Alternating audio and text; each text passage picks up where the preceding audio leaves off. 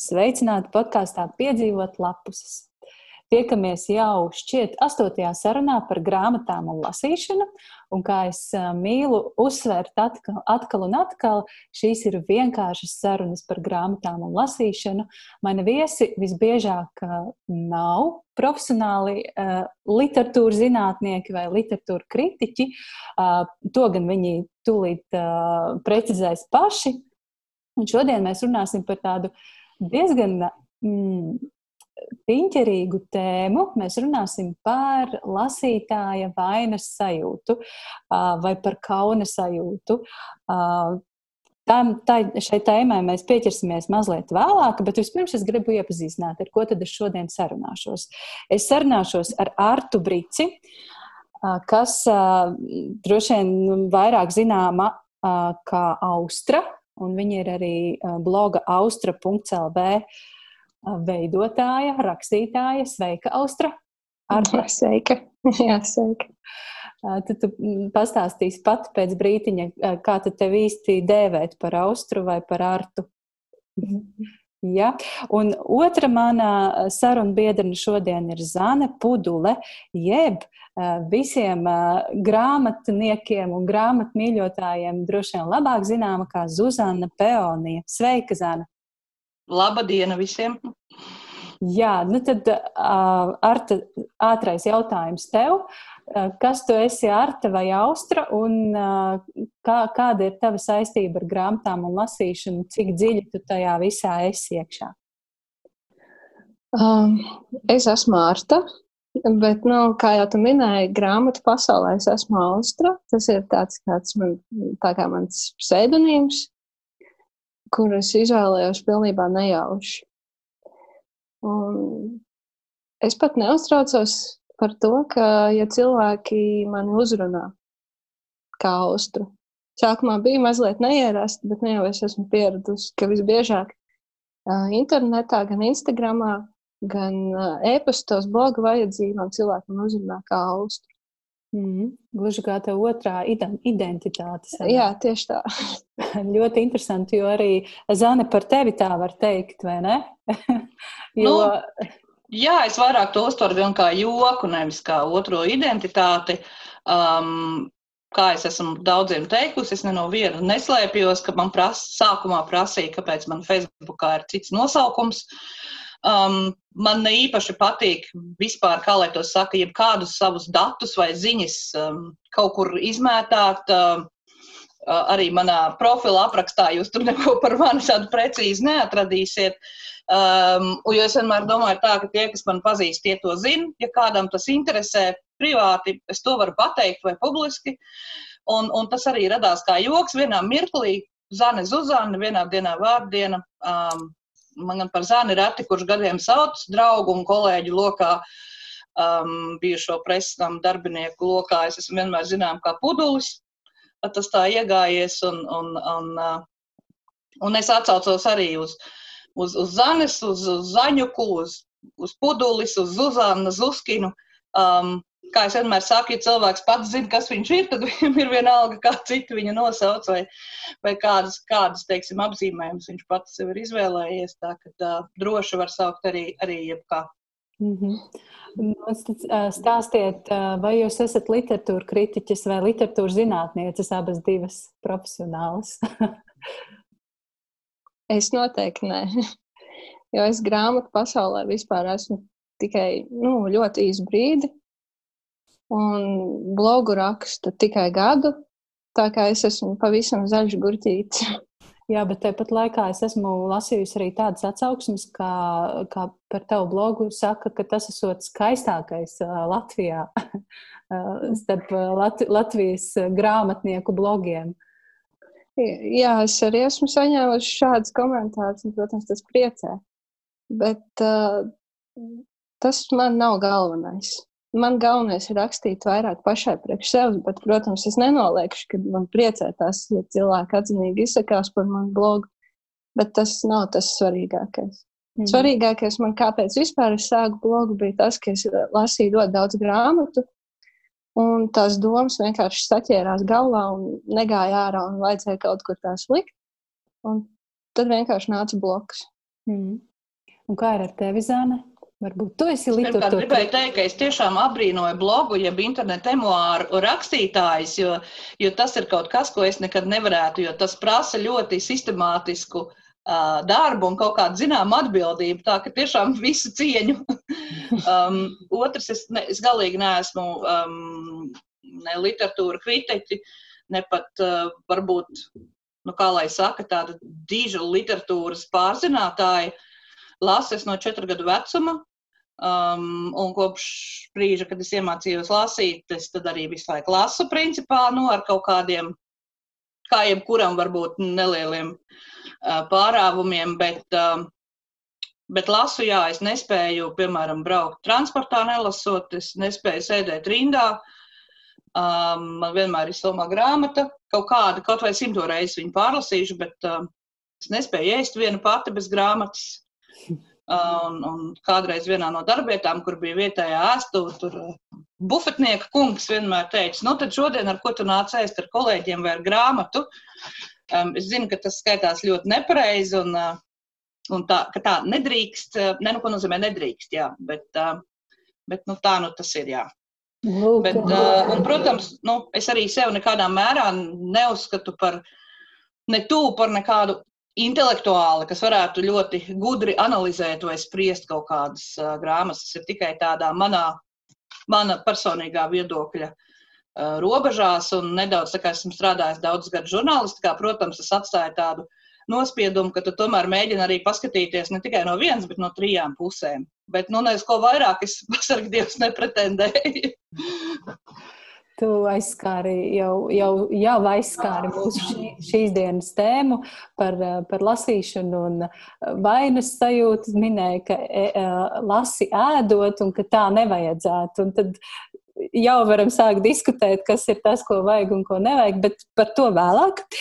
Padalieties ar, ar, ar saviem svaigākajiem lasījumiem, jeb, ko jūs esat nu, pat izlasījušas un ko jūs lasāt šobrīd.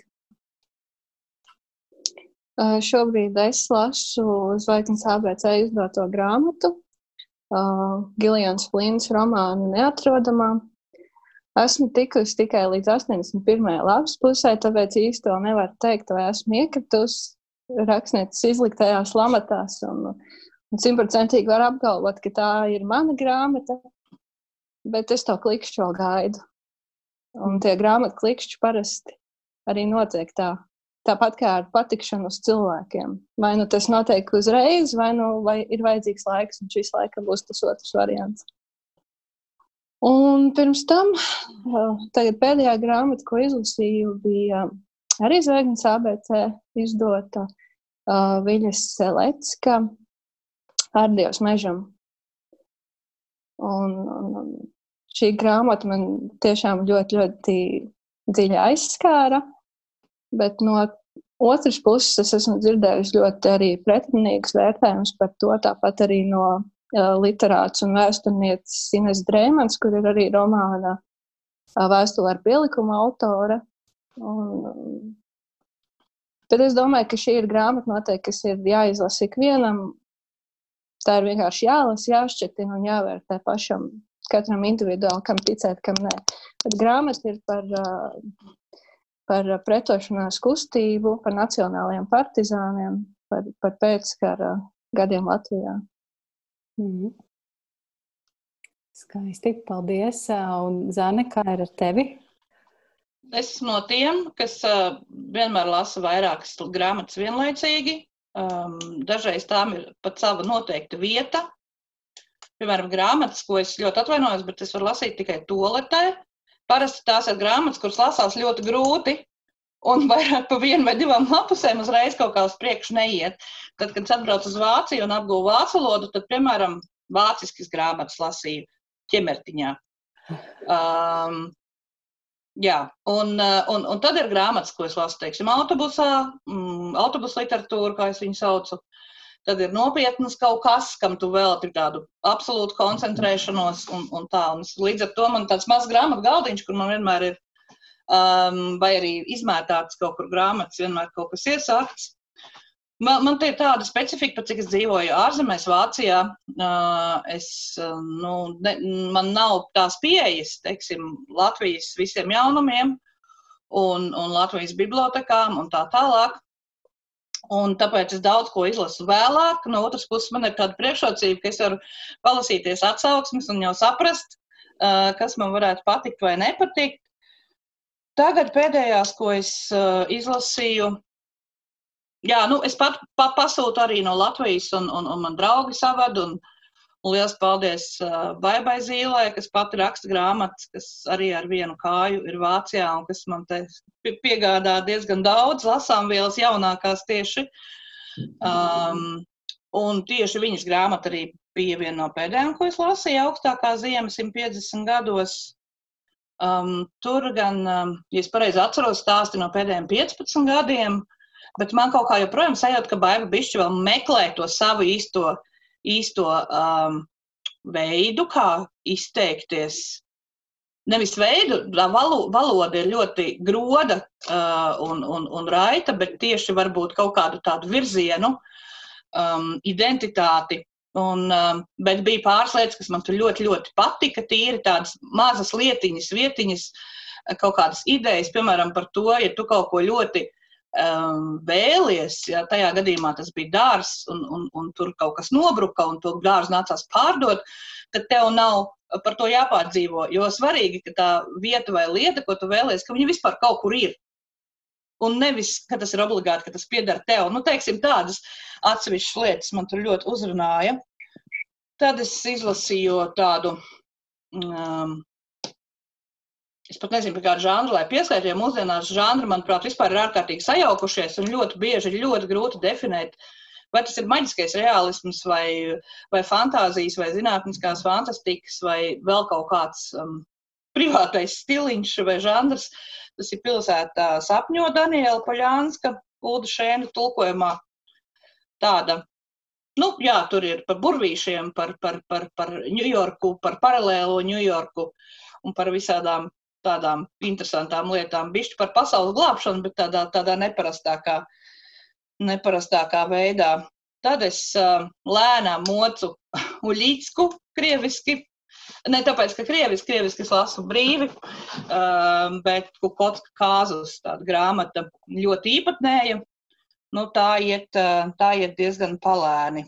Tāda man vēl ir iesākta, jau pasanāk izdots par Veņēckas Margaritas Gaitāno Krematos, kas man ir pašā sākumā, bet es jau tagad saprotu, ka tas ir kaut kas ārkārtīgi neparasts, ārkārtīgi interesants latviešu literatūrā, manuprāt, neredzēts gan izteiksmes veidā, gan saturiski. Tas man es pilnīgi jau jūtu, ka tas būs tāds piedzīvojums. Un tādā es pašķiru tik pa laikam kontrast dzējoļus, kas man ārkārtīgi patīk. Tas ir slikts garstāvoklis, var uzšķirt kontrast dzējoļu krājumu, tik grūti būt latvietim. Un, un tas ir simtprocentīgi garantija, ka uh, garstāvoklis uzlabosies. Un vēl es te simto reizi pārlasu kaut kādas vecās grāmatas, kaut ko no savu iemīļotā Terija Pračeta, ko es lasu krieviski. Un, uh, un kaut ko no vecās zinātniskās fantastikas. Nu jā, es jau pa daudz sarunāju, bet nu, man parasti tā ir, kad. Par grāmatām, daudz... par grāmatām var runāt daudz un, un dikti, vai ne? Uh, savukārt es, uh, es gan parasti lasu vienu grāmatu un cenšos uh, nejaukt tās sajūtas un pieredzes, bet kaut kā šobrīd sagadījies, ka es esmu paņēmusi divas grāmatas. Un, Viena no tām ir Elizabete ir pazudusi, Emmas Hīlijas debijas romāns, un tur ir par, par galvenā varone ir sieviete gados, un, un viņai ir nu, demence, ja tā var teikt. Un to, to es esmu nu pat, nu pat iesākusi. Šodien sāku lasīt un uh, vēl mēģinu saprast, kā tas būs. Bet, uh, manuprāt, ir ļoti. Mm, es negribētu lietot vārdu interesanti, bet nu, jā, interesanti lasīt, kā jūtas cilvēks, kuram ir šie atmiņas zudumi un, Un kad uh, viņa šī galvenā varone moda pērk visu laiku konservētus persikus un tā kā buļģām un buļģām un buļģām. Un tur tāds interesants nianses, uh, ko es iepriekš nebiju lasījusi un par tām domājusi. Un otra grāmata, ko es esmu iesākusi arī pavisam nesen, tas ir uh, Andris Zēbots, uh, Andris Zēbota romāns par uh, Jāni Ziemeļnieku romāna nosaukums ir Krauklis, un šis romāns ir iznācis dienas grāmatas jaunajā sērijā. Es esmu, kas, kas būs tātad 13 romāni un 13 monogrāfijas par latviešu prozas nu, cilvēkiem, kas varbūt ir mazliet, mazliet tā perifērijā aizmirsti.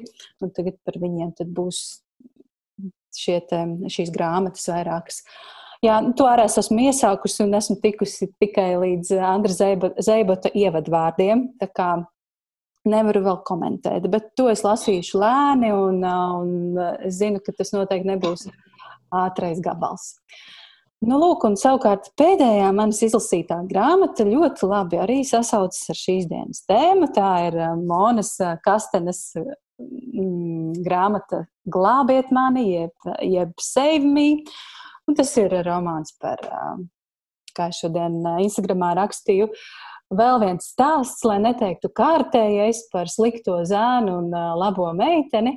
Un, nu, tur kā, kā viņiem veidojas tās attiecības. Un, protams, šai grāmatai ir trīs daļas, un šobrīd Latvijas ir iztulkota viena. Eņģu tagad sagaidi tās pārējās, ja gribas gaidīt. Nu, lūk, vai jūs sekojat līdzi izdevniecību jaunumiem Latvijā, jaunumiem grāmatniecībā, kaut kādām jaunām grāmatām, ko esat pamanījušas, ko gribētu izlasīt, kas tikko iznācis vai, vai pavisam svaigi iznācis, vai būs tikai mūsu plauktos? Man kā grāmatu blogerim noteikti būtu pienākums sekot līdzi izdevniecību jaunumiem ko es arī pirms tam darīju, ļoti intensīvi, bet pēdējā laikā es kaut kā īpaši neaizraujos pētīt, kas tad ir tas svaigākais, kas iznācis no tipogrāfijas ceptuves. Jo ir viens iemesls, kāpēc es to nedaru, un tas ir tas, ka man patīk labāk šobrīd nogaidīt, kad uh, tas tā lielā uzmanības koncentrēšanās ap vienu grāmatu norimst, un tikai tad ķerties viņai mhm. klāt. Jo savādāk man šķiet, ka arī blogu lasītājiem zūd tā interese, ja pēkšņi visi blogeri sāk par kaut ko vienu rakstīt. Un es nevaru tā izlasīt grāmatu, nolikt viņu nost un uzrakstīt to blogu vēlāk. Jo parasti man ir tā, ka es izlasu grāmatas, uzrakstu blogu ierakstu, un tikai tad, kad es nopublicēju viņu, es jūtos, ka es esmu to grāmatu izlasījusi un es varu no viņas atvadīties. Un, un tas ir īstenībā tas, kas man šobrīd mazliet bremzē skatīties tos jaunumus un kārdināt sevi. Es labāk uh, nogaidu, kad viss noklust un, un tad ķeros klāt pie grāmatas. Bet, nu, protams, ir ļoti grūti palaist garām, ja, piemēram, Instagramā kāds ieliek kādus jaunus vai, vai kaut ko tādu. Tā kā Nu, tuvākajā laikā noteikti gribētu izlasīt arī Heters Norises cilgas ceļojumu, jo Aušvits tetovētais jau ir manā izlasīto grāmatu sarakstā. Un, un, un otra tāda grāmata ir uh, Negras Džavadī dezorientāliste. Tas ir tāds divas, ko ļoti, ļoti gribas, bet pagaidām atturos. mm -hmm.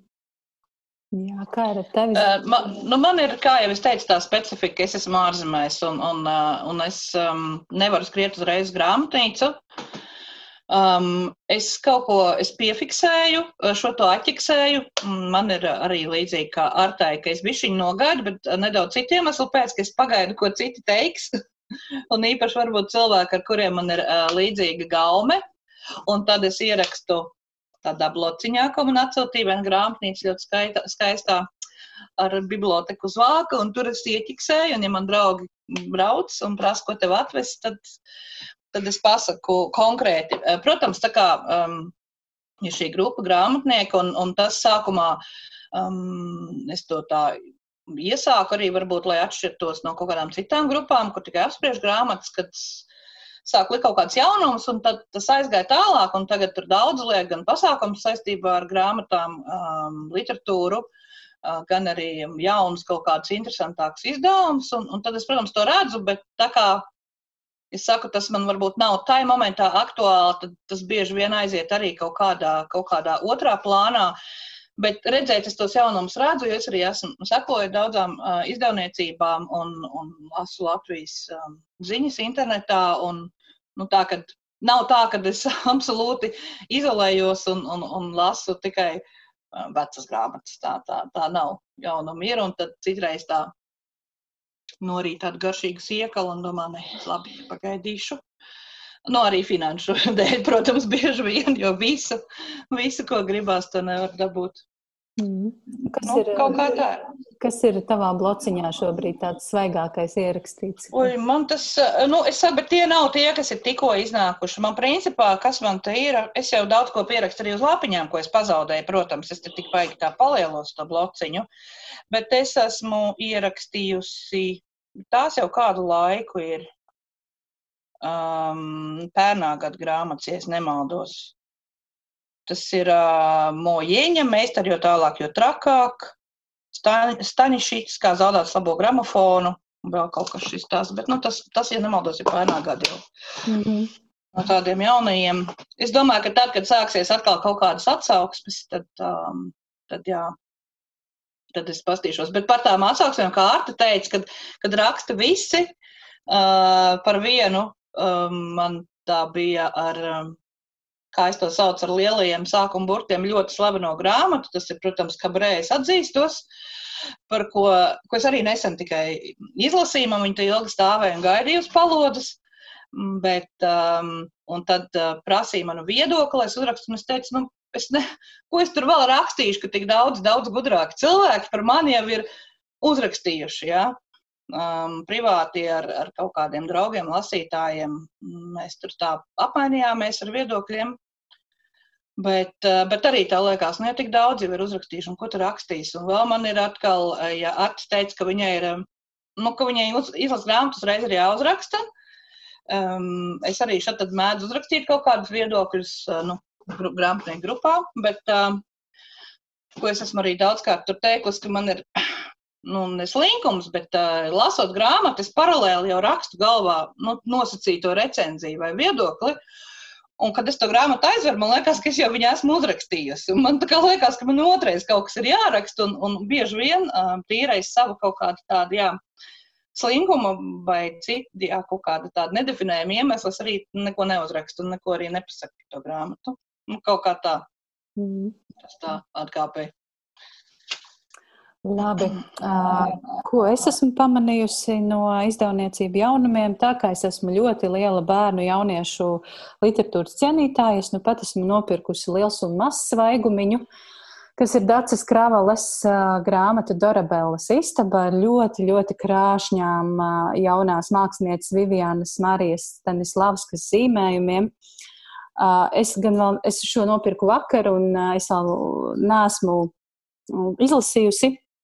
Bet tā kā es pati esmu izbijusi pedagoģe, un Dāca Kravalē ir mūzikas pedagoģe, man interesē, kas, kas viņai ir sanācis. Un, un vizuāli šī grāmata ir ļoti skaista un krāsaina, un es ceru, ka arī saturiski tā būs baudījums.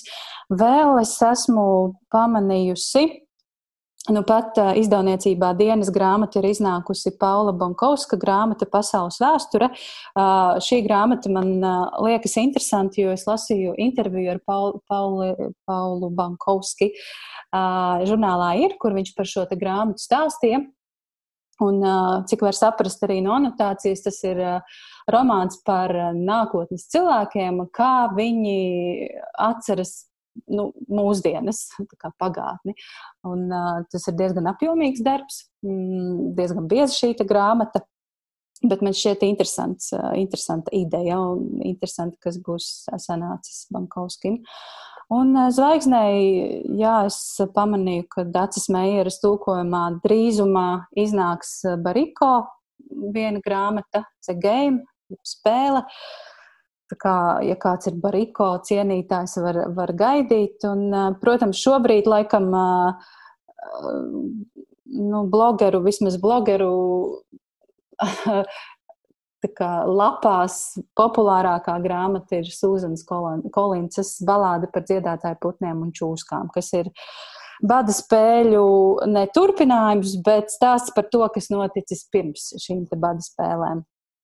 Nu, lūk, tas ir jā, par jaunumiem, ko, ko es tādu esmu pamanījusi. Un es domāju, ka mēs varam ķerties klāt pie mūsu šīs dienas galvenās tēmas, bet pirms mēs sākam runāt, es vēlos iestarpināt nelielu, nelielu uh, sadarbības pauzīti, sadraudzības pauzīti. Man ir sadarbība, jeb draudzība ar ļoti labu podkāstu pieturzīmes. Kā mēs zinām, neviena grāmata, neviens teksts nevar dzīvot bez pieturzīmēm. Tās ir stāsta daļa. Un par pieturzīmēm cilvēkos, grāmatās un valodā runā podkāsts pieturzīmes. Sarunas ar dziniekiem, tulkotājiem un citiem valodas jomas profesionāļiem.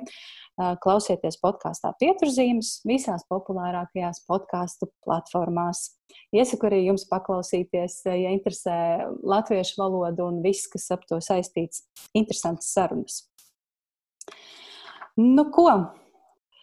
Dāmas, stāstiet, vai jūs izmantojat tādu terminu kā guilty pleasure, vai latviešu tulkojot grēcīgais prieciņš, runājot par lasīšanu un grāmatām?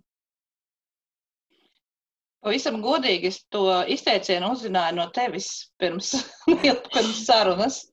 Um, jo man jāsaka, ka es ļoti maz vispār lietoju anglicismus, Ne tāpēc, ka es varbūt nenormāli pareizi runātu, bet um, tāpēc, ka angļu valoda man vienmēr bijusi tā kā vairāk fonā, un tas vienkārši nav iegājies. Um, bet es, protams, jēgu saprotu un zinu, un, um, un skaidrs um, par ko, bet uh, kaut kā, jā, es laikam arī, arī latviskojumu uh, arī kauna sajūtu, vai grēcīgo prieciņu, vai slepeno prieciņu, vai, vai vienalga kaut ko tādu. Es, nu, laikam, ne, neizmantoju gan. Nē. Arta, kā ar tevi? Um, es izmantoju, bet ne vairāk saistībā ar grāmatām. Tas ir saistībā ar, ar, ar, ar citām lietām, ar seriāliem, ar mūziku. Ar grāmatām Es laikam vēl neesmu tik ilgi tajā visā iekšā. Bet, uh, kā es saku, man patīk arī mazliet atšķaidīt to savu lasāmo literatūru ar kaut ko vienkāršāku. Kā jau gribas teikt, ar dāmu romāniem vai kaut ko tādu. Bet es neuzskatu, ka tas būtu kāds apkaunojums. Tieši tāpēc arī es domāju, ka es īpaši negribētu pieķerties šim terminam saistībā ar sevi. -hmm. Es domāju, ka varbūt, varbūt par to šādus teicienus attiecina, es nezinu, uz sevi vai uz citiem cilvēki, kuriem kaut kā gribas drusku um, izlikties tādiem labākiem un gudrākiem. Un, un, tad, uh, un tad tā, jā, vai arī kuriem ir ļoti svarīgs varbūt kaut kāds citu apkārtējo viedoklis, kā ir moderni teikt, sabiedrības spiediens, es nezinu, nu, tā. Jo kāpēc par to visu laiku būtu jārunā vai jākaunās, kur skaties un lasi, tas, jā, tas, nu, man personīgi tas nav īsti skaidrs. Mm. Uh, jā. Ar tu piekrīti, jā?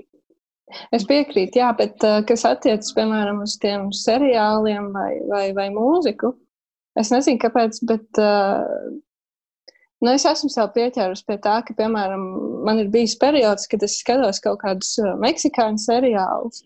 Vai, vai turku seriālus. Un, nu, Jūties nērti nedaudz. Es, kā, ja? es jūtos, jā, bet es nezinu īsti par ko es jūtos nērti. Un tad ir, bijis, ir, bijis tādi, ir bijuši tādi brīži, kad, piemēram, bērns kaut ko fonā tur smieklīgi dara, un es viņam pievēršu uzmanību. Man liekas, ka tas ir jānofilmē. Un tad sanāk kaut kas smieklīgs bet fonā iet šī turku vai meksikāņu filma. Un es saprotu, ka es nevienam šo video nedrīkst rādīt. Vienkārši man būs kauns par to, kas tur skan fonā. Kāpēc tā ir, es nezinu, bet, uh, bet ar grāmatām es īpaši neesmu sev pieķēries pie tā, ka man būtu kauns, nu, tā kauns mm. par to, ko es lasu. Man atkal ir tā, ka es tieši vēlējos jautāt, vai, vai šo te grēcīgumu, es izmantoju pēdiņas, nav vieglāk attiecināt, runājot par mūziku vai filmām. Vismaz man tā ir. Es varu pateikt, ka man tur patīk, es nezinu, Kenja Vest pēdējā dziesma. Nu, tas bija piemērs, nezinu, kā, mm -hmm. ko viņš dzied. Bet uh, man ir grūtāk pateikt, ka man, teiksim, aizrāva šī, te, nu, glābiet mani šis romāns. Un, jā, man par to ir lielāks kauns nekā par mūziku vai par seriāliem. Jums šķiet tā nav, ja? Man liekas, ka man ir tā, ka es vienkārši nelasu un neklausos to, kas man nepatīk. Nu, es zinu, nu, kad es ne, ne, nespēju paklausīties kaut kādus um, noteiktus hip hopa paveidus vai, vai, vai komerc, tīru komerc mūziku, jā. Tāds uh, žargonots popsņi ir, jā. Ir, ir pops, laba popmūzika. Uh, un, un, un ir tāda komercpops, ja, vai, vai, vai, vai, vai Krievijas tādu jau nedaudz ieskābušā uh, estrādes krējuma kaut kādus izstrādājumus. Um, un es to vienkārši neklausos, un neklausos un nelasu, nu, vai nes, neskatos. Tad, ja man ja tas ir kaut kas tāds nu, stulbs vai viegls, ko es paklausos vai paskatos, nu, tad tas ir tajā brīdī uh, man kaut kā vajadzīgs. Un, nu, nu, jā, nu man kā jaunākais bērns bija ļoti slims bērnībā, un, un naktīs tu nevari ne gulēt, ne kaut ko lasīt, neko, jo tev galva ir aizgājusi ciet, un, un ko rādīja pirms gadiem 10, 13. Um, Latvijas televīzijas, nezinu, 5, 6 no rīta. Tie bija kaut kādi ārprātīgi šitie vācu romantiskie seriāli, ja, kur mēs tad kodu nosaukumu kaut kā mums iegājies ir ceļš uz laimi. Visi, nu, visi tie ir ceļš uz laimi. Viens laikam tā arī saucās. Nu, tad es viņas, nu, es viņas tur trūli blendzu, tāpēc man vienkārši vairāk neko tur smadzenes neņēma pretī. Ja? Um, vai tur par to jāietās. Nu, es kaut kā esmu iemācījies vienkārši pasmieties par kaut kādām tādām lietām, uh, ka tu pats par sevi pasmējies, un tas man liekas diezgan uh, tā veselīgi. Nu, nevajag visu tik nopietni uztvert. Un, Mm. Un arī tie turku seriāli, un tas jau ir baigs smieklīgi, kas, kād, kas skatās tos turku vai meksikāņu seriālus, un lai viņš tur ir. Es domāju, ka tieši vēl bērni jokam fonā tas būtu papildus bonus, varbūt vēl smieklīgāk izskatīties. Nu, jā, bet eh, reizēm ir tā, ka nu, tā popsīgā dziesma, viņa pati kaut kur izskan. Un tev, varbūt, Zana, tev nav tā bijis, ka nu, viņa pielīp un pielīp, un tur neko nevar izdarīt. Visādas atvainojas mēs, lausīja, protams, iesēžās.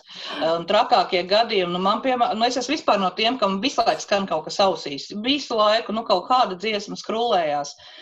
Un, protams, tas var būt kaut kur veikalā dzirdēts, nu, kaut kāda briesma, kas tur skan no radio.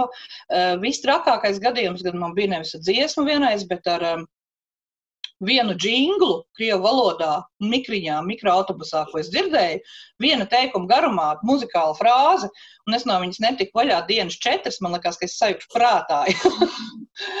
un uh, tas, ka pielīp, jā, bet, nu, un tad tu mēģini, ja tas ir kaut kas tāds, tas, kas tev pašam nepatīk, tad tu mēģini viņu, protams, uh, kā aizlipināt ar kaut ko citu. Un, un kā es teicu, uz daudz, uz daudz ko var skatīties. Humoru mēs kādreiz Mm, teiksim, esam arī senos laikos izklaidējušās ar vienu paziņu pie viņas, kur viņai bija kaut, kāds, kaut kādi mistiski kanāli, un tostarp kaut kāds Krievijas popmūzikas kanāls. Un mēs vienkārši izklaidējāmies, mēģinot uzminēt nākamo rindiņu, ja, kaut kādas divas stundas, un mēs 90% viņu arī uzminējām, jo tur nekāds režīms nav. Nu, nu, nu, tas ir, protams, kaut kas pilnīgi cits. Un tā, jā. Bet reizēm jau ir tā, ka. Tu nespēji nopietni daudz ko vienkārši uztvert, tāpēc man vieglāk.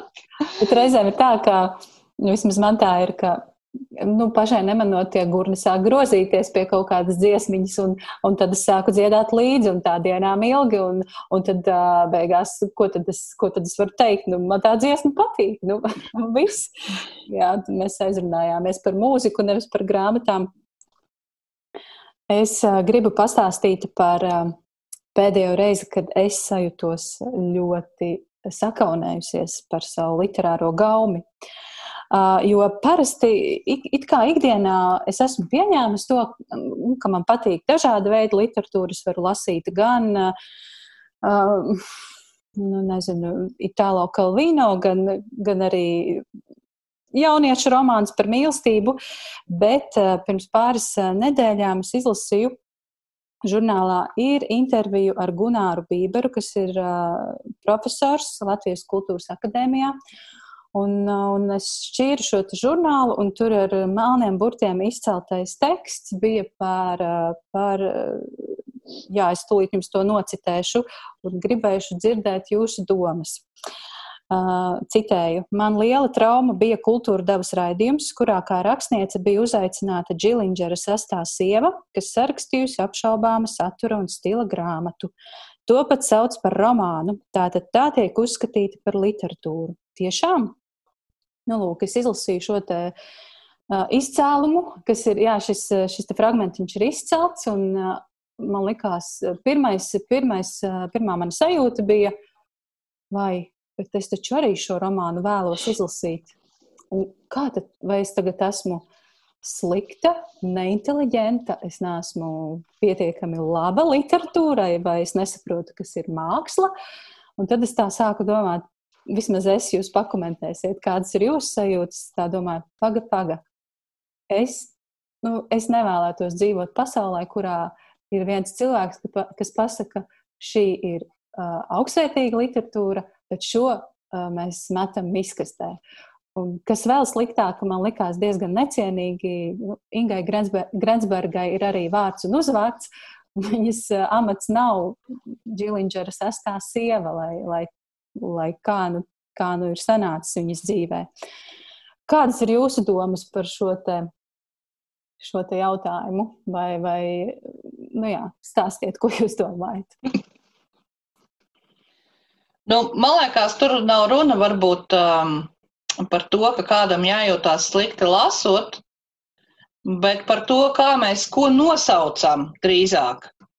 Un, un nu, ir objektīvi mazvērtīgāka literatūra. Es nenāju par konkrētu darbu, es viņu arī neesmu lasījusi. Visticamāk, es viņu nelasīšu, jo tāpat kā rēdieniem, man parasti ir diezgan laba nojauta, kas man varētu patikt, kas nē, un, un, un, un tad, kāpēc tad tas ir, teiksim, jāpēd, jā. Ja? Un pēc tam varbūt jāpaspļaudās nedaudz.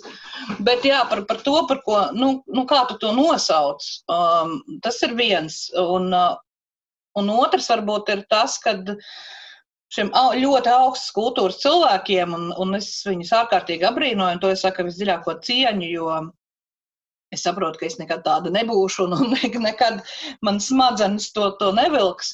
Un es arī personīgi zinu ļoti augstu intelektuālus cilvēkus, labā nozīmē, eh, nesnobus, bet viņi patērē tiešām tikai ļoti augstas kvalitātes kultūras um, nu, produktus, uh, darbus, un, un viņi zemāk nu, vienkārši nespēja nu, nolaisties. Ja?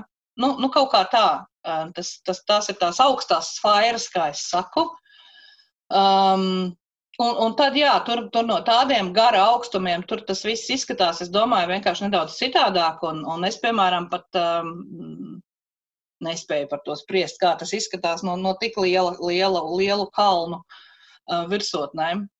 Bet jā, es vairāk domāju, jo tur jau, nu, tu jau pati teici par to nosaukumu, vai to sauc par romānu. Nu, tad mēs atkal um, arī tāda ļoti plaša tēma, kā ko nosauc un kas, kas īstenībā ir.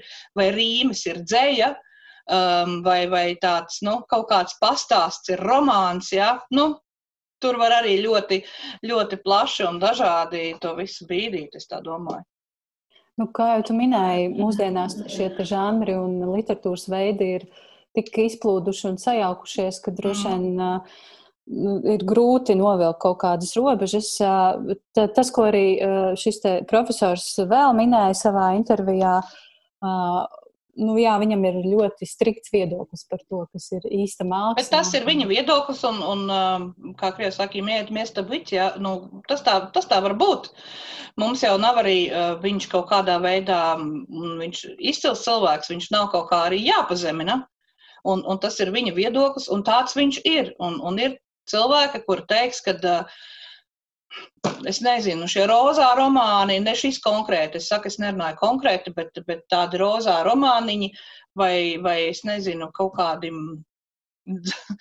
nu, rīmītas, ja, ka tā ir izcila literatūra. Nevis izcila, nu, jā, bet tas ir atkal tas, ko es teicu, ka viens ir, ka tu to vari lasīt, un jebkurš drīkst lasīt, ko viņš grib, un neizties vainīgs, bet otrs ir, nu, tu nevari teikt, ka tā ir izcila literatūra.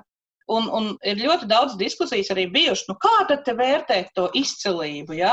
Kā tad viens, ja man patīk, tad man patīk, bet, nu, vienmēr ir subjektīvs, patīk, nepatīk, bet ir kaut kāda objektīva, nu, ir kaut kādas objektīvas lietas.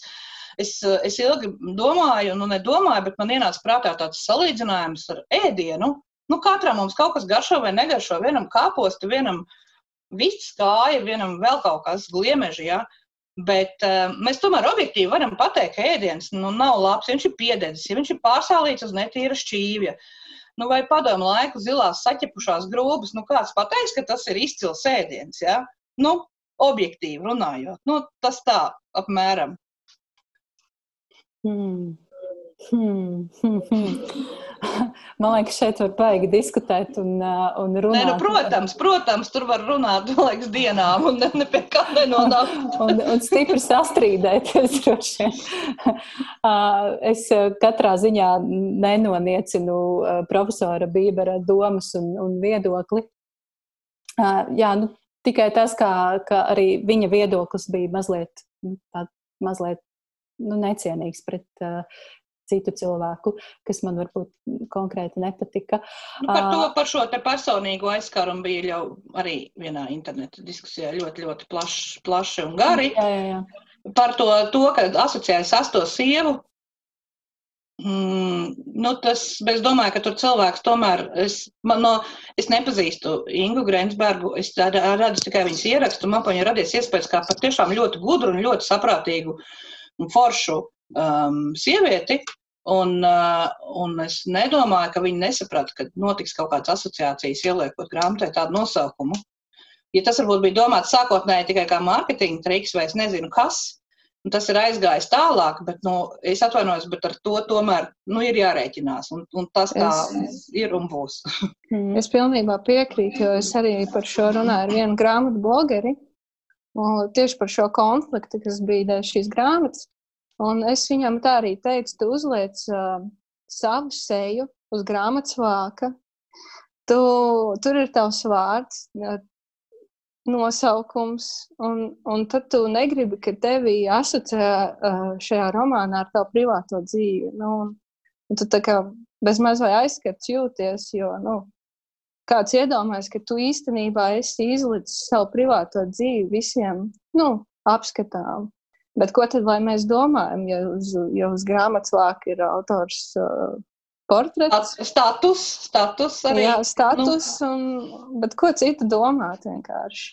Mm. Bet uh, tas, ka nu, personiski aizskat, protams, Nē, nē, tas ir par to stāstu. Es runāju tieši jā. par šo te asociāciju. Jā, tieši, jā, un, un... jā par, par to grāmatas vāciņu. Tas mm. ir. Mm. Uh, labi, mēs atkal esam ieķērušās uh, vienā tēmā, un tas ir forši. Mums ir katrai ko teikt. Artu, vai tev vēl bija komentārs uh, par, par šo te profesora Gunāra Bībera izteikumu par, par, par, jā, par mākslu? Nu, katram, ir, katram ir savs viedoklis vienkārši. Un tu vari tam piekrist vai nepiekrist, bet nevar teikt, ka tas ir nu, pareizs vai nepareizs. Vienkārši tas ir viņa viedoklis. Mēs varam tam piekrist vai nepiekrist. Tas tā arī ir. uh, jā, man, man ir jautājums, Zana, par tevis teikto. Mm, tu teici, ka ir kaut kādi, nu, es interpretēšu to, jā, jā, teikto, ir kaut kādi augstāki standarti, pēc kuriem tad mēs varam noteikt, kas ir izcila literatūra. Kas ir tie standarti? Vai gala es beigās? Es baidījos no šī jautājuma, jo es nezinu. Es nezinu, Bet... tas, nu, es to nevaru definēt. To iespējams, ka noteikti ir gudrās literatūra kritikas grāmatās kaut kādi standarti ir uzskaitīti un par to ir runāts. Es nezinu, bet es zinu arī pie, pēc savas. Uh, ja nemaldos, Vonegūta varonis, uh, glaznotājs Raboka Rebekjāns, viņš, te, viņam prasīja, kā var iemācīties atšķirt labu glaznu no sliktas. Un viņš teica, apskati miljonus glaznu.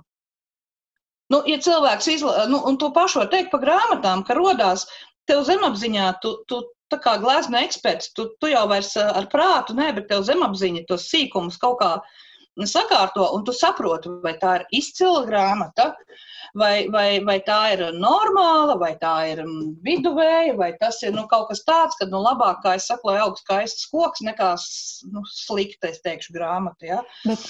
Uh, un, um, Un līdz ar to es, es nevaru nosaukt šos standartus, bet, uh, bet, bet kad tu lasi, tu saproti, Tas ir, saku, tas ir tā, tāpat kā ar ēdienu. Nu, ka tu ēd labi, nu, ā, nē, man šis negaršo, es neēdīšu, bet tu neteiksi, ka tas ir slikts ēdiens. Man vienkārši viņš negaršo.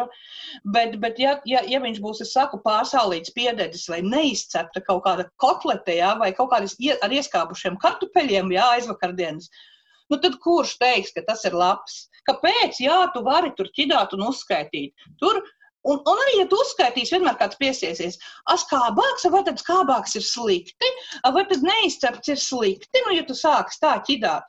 Bet tas kopiespēks, nu, tomēr ir kaut kāds par, um, nu, es saku, ja, ja cilvēks varbūt izlasa pirmo, nezinu, tur vēsturisko romānu vai detektīvu, ja, vai viņš izlasīs divus savā mūžā, ja, tad, nu, viņš, es domāju, nu, nav, nevar varbūt spriest um, par kaut kādu žanru, ja ja viņš ir izlasījis tūkstotis, nu, viņš var spriest tomēr. Bet, nu, un eh, attiecīgi runājis ar citiem, vai lasījis, jā. vai mācījies, vai tā tālāk. Un tā tālāk, tā tālāk. Bet, jebkurā gadījumā tas ir, tas ir un paliek ļoti subjektīvs viedoklis. Nu, nekas vairāk kā subjektīvs viedoklis. Nu, es varu izlasīt, paskatīties tās tūkstoš, tūkstoši gleznas, vai izlasīt tūkstošiem grāmatu, simtiem tūkstošiem uh, Un tas tik un tā būs mans subjektīvais viedoklis. Nu, man, Nē, nu, tas ir mana... tas subjektīvais, patīk, nepatīk. Bet, nu, nu, vēl tāds piemērs, nu, piemēram, kā es teicu, es, es neklausos hip hop un repu. Man tas nepatīk, man tas neuzrunā. Bet es spēju novērtēt, ka, piemēram, Eminems, nu, tas ir krūts džeks, viņam ir ko teikt. Es neklausīšos, ja, bet es objektīvi nu, spēju saprast, ja, ka viņš nav kaut kāds tur kārtējais, nezinu kas. Nu, tas saku, tas tāds uz ātrā piemērs, kas ienāk prātā. Mm. Nu, saku, tur ir, tur ir, es neprotu to nodefinēt. Es pateikšu atklāti, es neprotu to nodefinēt, bet nu, tomēr ir kaut kādas, um, jā, objektīvas, man liekas, uh, kaut kādas lietas. Man arī nav patikušas uh, ļoti daudz grāmatas, kas ļoti daudziem patīk. Nu, ne ļoti daudz, bet nu, ir dažas, kas, kas par ko lielākā daļa priecājas un fano, un ārprāts, ārprāts, cik forši, un, un es saprotu, ka es nespēju viņu varbūt pat normāli izlasīt līdz galam. Bet, um, bet es saku, nu kā, kā, nu kā mēs, nu, viens ir patikt, nepatīk, bet otrs teikt vai neteikt, ka tā ir izcila. Nu, nu, man viņa ir izcila, tev viņa galīgi nepatīk, bet tā objektīvi, nu, man liekas, ka tur tomēr, tomēr ir atšķirības starp to subjektīvo un objektīvo. Es nezinu, kā ar to domā. Arta, ko tu, ko, ko tu saki par objektīvo un subjektīvo literatūrā? Man tagad nāca prātā viens piemērs. Tad, kad es sāku tagad, pirms pusotra gada intensīvi lasīt grāmatas, viena no pirmajām grāmatām, kuras izlasīju, bija Maijas Libertas kaimiņiene. Un uz to brīdi man likās, wow, tas ir rītīgi foršs, superīgs romāns, ne, kurus noteikti ieteikt arī savām draudzenēm un tā tālāk. Un tagad, paskatoties, cik daudz es esmu izlasījusi līdz šim brīdim, man ir jāsāk domāt īsti, kas ir tas, kas man patika toreiz, un tagad šķiet, ka nepatīk nemaz. Vienkārši arī tas, ka cik daudz es esmu izlasījusi, cik daudz man pieredze ir uzkrāta, lasot grāmatas, un tagad, skatoties apkārt, saprotu, ka nu, tomēr nebija nemaz tik izcils tas darbs. Mm nu, manā vērtējumā. Es domāju, ka šo objektivitāti piešķir arī laika pārbaude. Arī tā. Jā. Vai, vai, vai, vai to grāmatu, nu, ja mēs runājam par grāmatām, arī mūzikā tas pats ir. Mēs paskatāmies, kas, kā, cik grupas bija 70. gados un cik ir palikušas un kuras ir palikušas, ja? un cik paliks no mūsdienu grupām pēc 30 gadiem. Uh, plašāk zināmai auditorijai, plašāk novērtēts un atzīts. Un tas pats arī ar grāmatām. Un cik es, cik es gribu mm, pārlasīt, cik cilvēki viņas grib pārlasīt un, un turēt savos grāmatplauktos un nopirkt saviem bērniem, lai viņi tur savos grāmatplauktos. un cik tu vienkārši izlasi un, un, un atdod par 10 eiro pārdod tālāk, vai atdod bibliotekai, vai kad tikai prom, visas izlasīja, čau, jā. Jā, es dažreiz brīnos par to, ka kaut kādās grāmatu grupās, kur pērk pārdot grāmatas, es ieraugu kaut kādu grāmatu, kur cilvēks pārdod, un man liekas, nu kā tu vari kaut ko tādu pārdot? Bet viņam varbūt tā grāmata neko īsti neizsaka. Viņš viņu ir izlasījis un grib palaist prom, bet es labprāt tādu paturētu savā grāmatplaukā. Mm -hmm. Kā, atgriežoties pie mūsu pamatēmas, no kuras mēs esam ļoti veiksmīgi aizpeldējušas projām. Kur jau turpat grozamies? Kaut kur grozāmies, jā. Bet kad, kad un vai jūs vispār esat tikušas kauninātas nu, apkārtējie cilvēki varbūt ir izteikuši kaut kādu ļoti striktu viedokli par to, ko jūs lasāt, vai ir kādreiz bijis eh, saskarsme ar to? Nu, man pavisam nesen bija gadījums uh, par Kolīnas Hooveras uh, romantisko trilleru Veritija. Um, man ļoti patika šī grāmata, es viņu izlasīju, man viņa ļoti patika. Un es uzrakstīju atsauksmi, un es saņēmu komentāru par tādu komentāru, kurš noteikti sākumā bija domāts kā joks. Bet uh, debesīs zvaigznes bija sastāvušās kaut kā tā, ka es tajā dienā vispār nevienu joku nesapratu, ironiju nesalasīju nevienā burtā. Un es to uztveru konkrēti kā uzbraucienu par to, ka es esmu lasījusi uh, konkrēta uh, izdevēja grāmatu. Šajās, šajā sakarā tas bija kontinents, izdevniecība kontinents apgāds. Un es šausmīgi sadusmojos, un pēc tam es sapratu, ka es nevis dusmojos uz to cilvēku par šo komentāru, ka viņš, viņam šķist smieklīga man izsmalcinātā grāmatu gauma, bet vienkārši tas, ka viņš uh, vēr, ir vērtējis šo grāmatu tikai dēļ tā, ka viņa ir izdevusi kontinents. Un man tas vienkārši nesaslēdzās kopā, kāpēc tā ir. Bet, nu, ja mēs pavērojam, kādas grāmatas izdod apgādes kontinents, tad nu, tur pārsvarā ir šie dāmu romāni, romantiskie trilleri, spriedzes un, un, un, un ar erotisku pieskaņu. Un, un tas varbūt uh, atkal ir kaut kas tāds, ko, kas cilvēks atgrūž. Un, un, un, un viņam liekas, ka tā nav augstsvērtīga literatūra, kuru lasīt. Mm, tas ir tāds tā kā vienkārši zīmoks uzlikts. Un... Tas, tas ir tas, ko es arī sev prātā ieķeksēju un gribēju izdevīgā brīdī skaļi pateikt par ši, tieši šiem zīmogiem un tieši par apgādu kontinentu to starp, kura grāmatas savulaik darba dēļ um, es lasīju ļoti daudz, Jā, jo es strādāju um, presē, un, un man bija jāraksta arī grāmatu apskatu vienu laiku. Un, un tā bija tiešām izdevniecība, kas ļoti cītīgi piegādāja uh, apskatniekiem savas grāmatas, un es viņas vienmēr trolēbusā vai autobusā lasīju. Trilleri vispār nav, nav mans žanrs, bet es to laiku arī ar izbrīnu atklāju, ka um, pāris tiešām bija ļoti lielisks grāmatas, Uh, tajā žanrā, bet tiešām neparastas un, uh, un, un bez tiem štampiem un, uh, un par tiem zīmogiem, jā, kad ir tā bišķiņi pieņemts arī, arī tas vārds trilleris. Ai, nu trilleris tas automātiski ir kaut kas mazvērtīgs, jā.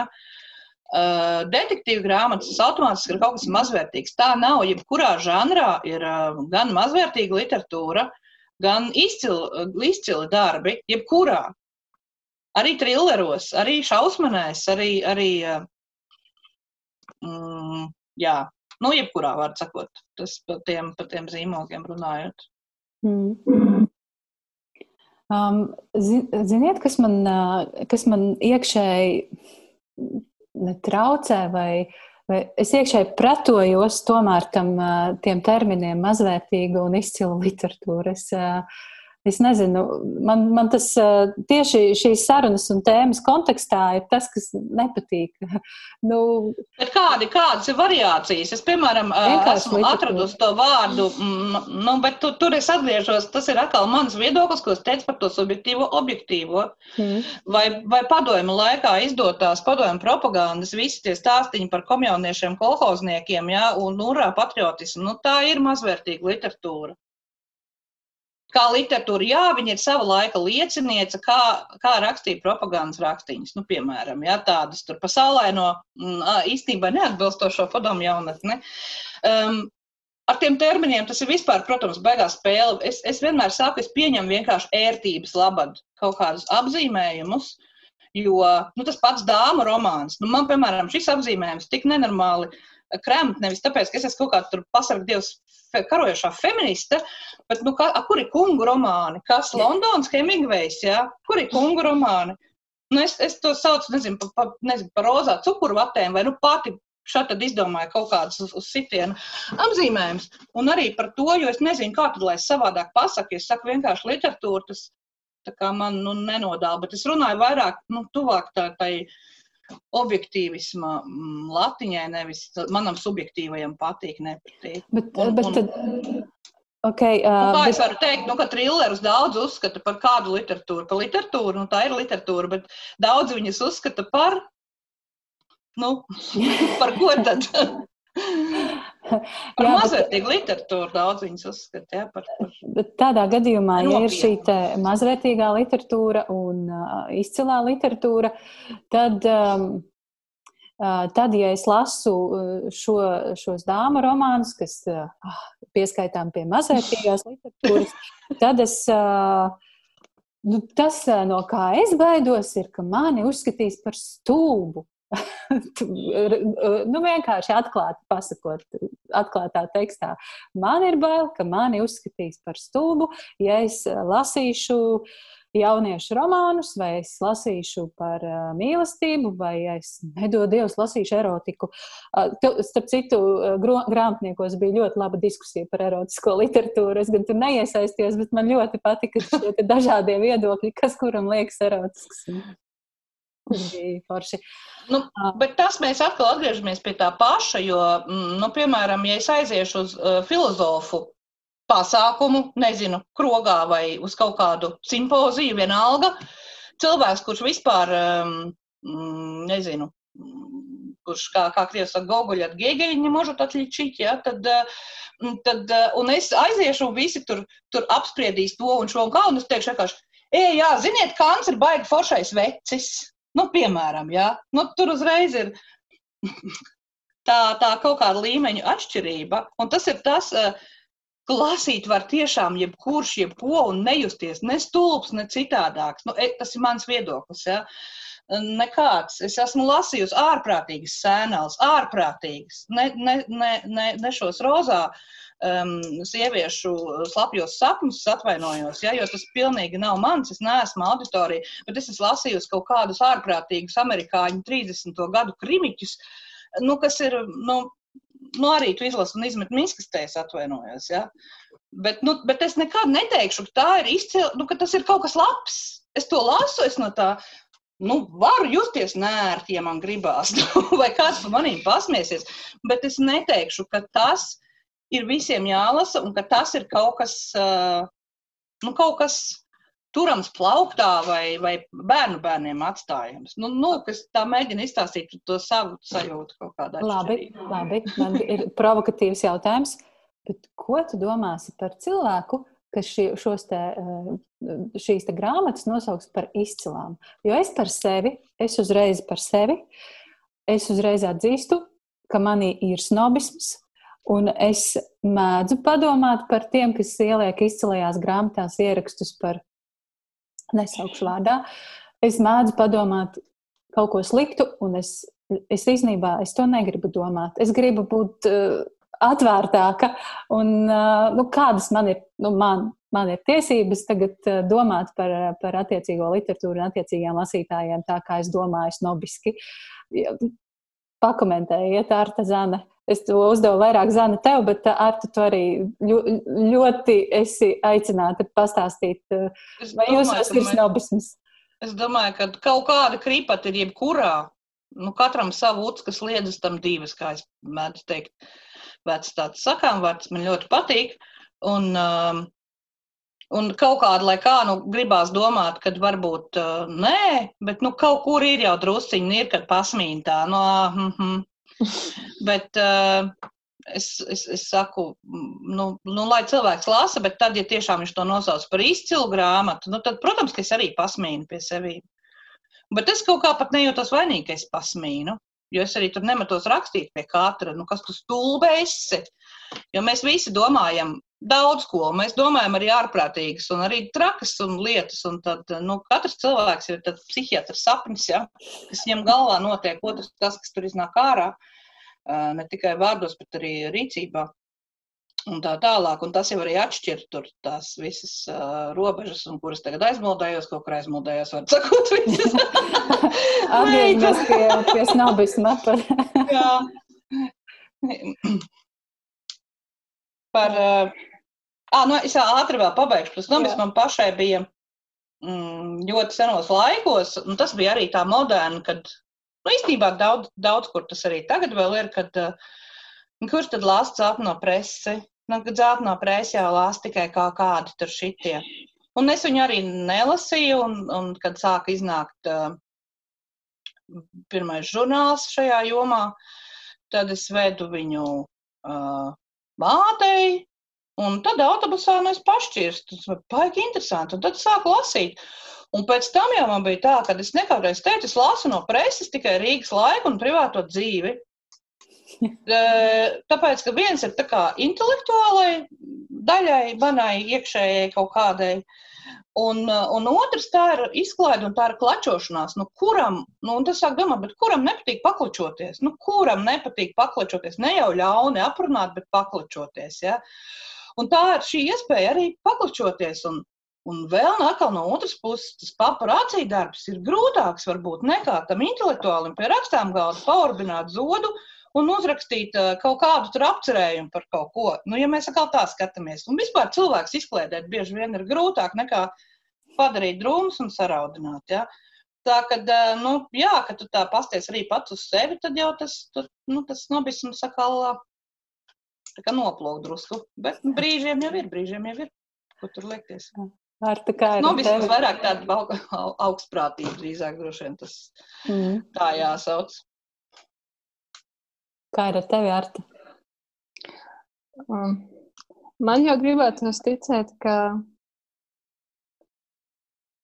ka manī neizpaužas tas snobisms, bet tāpat kā Aijai, Uh, par tām izcilajām grāmatām, nu, ir tā, ka reizēm liekas, ka cilvēki liek vienkārši visu tur, vienkārši visu pēc kārtas.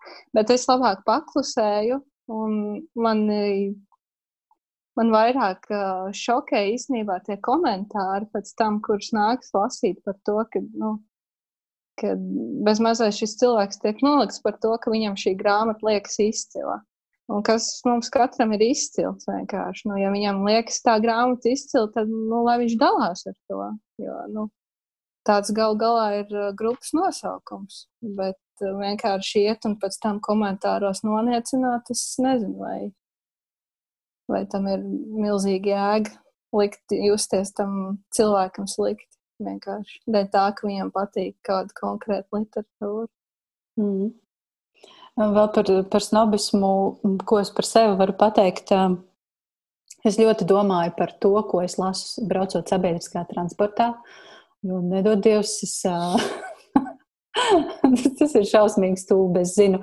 Bet jā, nu, tur jāizskatās labi, jā, jo cilvēki taču padomās. Tas, ko tu Zana sākumā teici, ka, ka tā jau nu, gan, nu, tā nevajadzētu dzīvot ar tādu apziņu. Uh, un, uh, un psihisko stāvokli. Uh, un vēl kas man ir, man ir ļoti sarežģīti. Es uh, atzīmēju aplikācijā Gudrīts, visu izlasīju to, un man ir iekšēja pretestība novērtēt nu, ar piecām vai četrām zvaigznēm, piecinieks un četrnieks. Tad tas ir kaut kas ļoti labs. Tos uh, romānus, kas man ir aizrāvuši, bet kur, kur manī ir šī apziņa, par ko jau mēs diskutējām, ka tā varbūt ir nu, nu, nu, tā plauktiņa grāmata, nu, tā nu, mazāk vērtīgā. Kaut arī es esmu ļoti aizrausies to grāmatu, esmu izlasījusi pusotras dienas laikā. Un, uh, uh, jā, Tā, tu jau tas... tur atzīmē, es nelietoju nekādas aplikācijas un neko, bet, un, cik es saprotu, tu liec tur savu vērtējumu. Jā, jā. Un tad tev arī būs šīs piecas zvaigznītes, bet tu to nepasludini par, eh, par kaut kādu mm, vispārēju patiesību, taču neliec skolu programmās, nerakstīja iesniegumu izglītības ministrijai un nesaka, ka šitas ir jāliek bērniem mācīties. Un tā, kad es domāju, ka tā, tur mierīgi var likt arī 17 zvaigznītes. bet, bet redzi, iekšējā, iekšēji ir tā pretestība, ka es nevaru tā, ar 17 zvaigznītēm novērtēt stāstu par, par, par slikto zēnu un labo meiteni kārtējo. Es vispār lasīju to romānu. Atkal par, par sevi glābiet mani, un domāju, ka vispār tas Blaumanis bija ģeniāls uh, savā, kad viņš tur 19. 19. gadsimta beigās uh, rakstīja uh, par Kristīnu un Edgaru.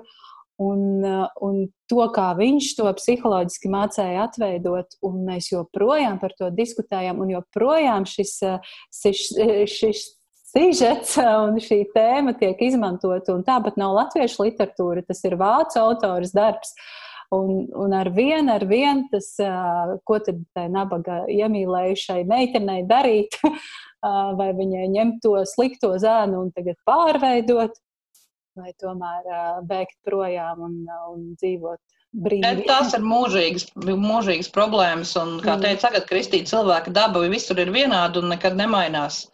Mm. Un, un, un tas būs vienmēr aktuāli. Ja? Lamans to uzrakstīja kodolīgi un ģeniāli.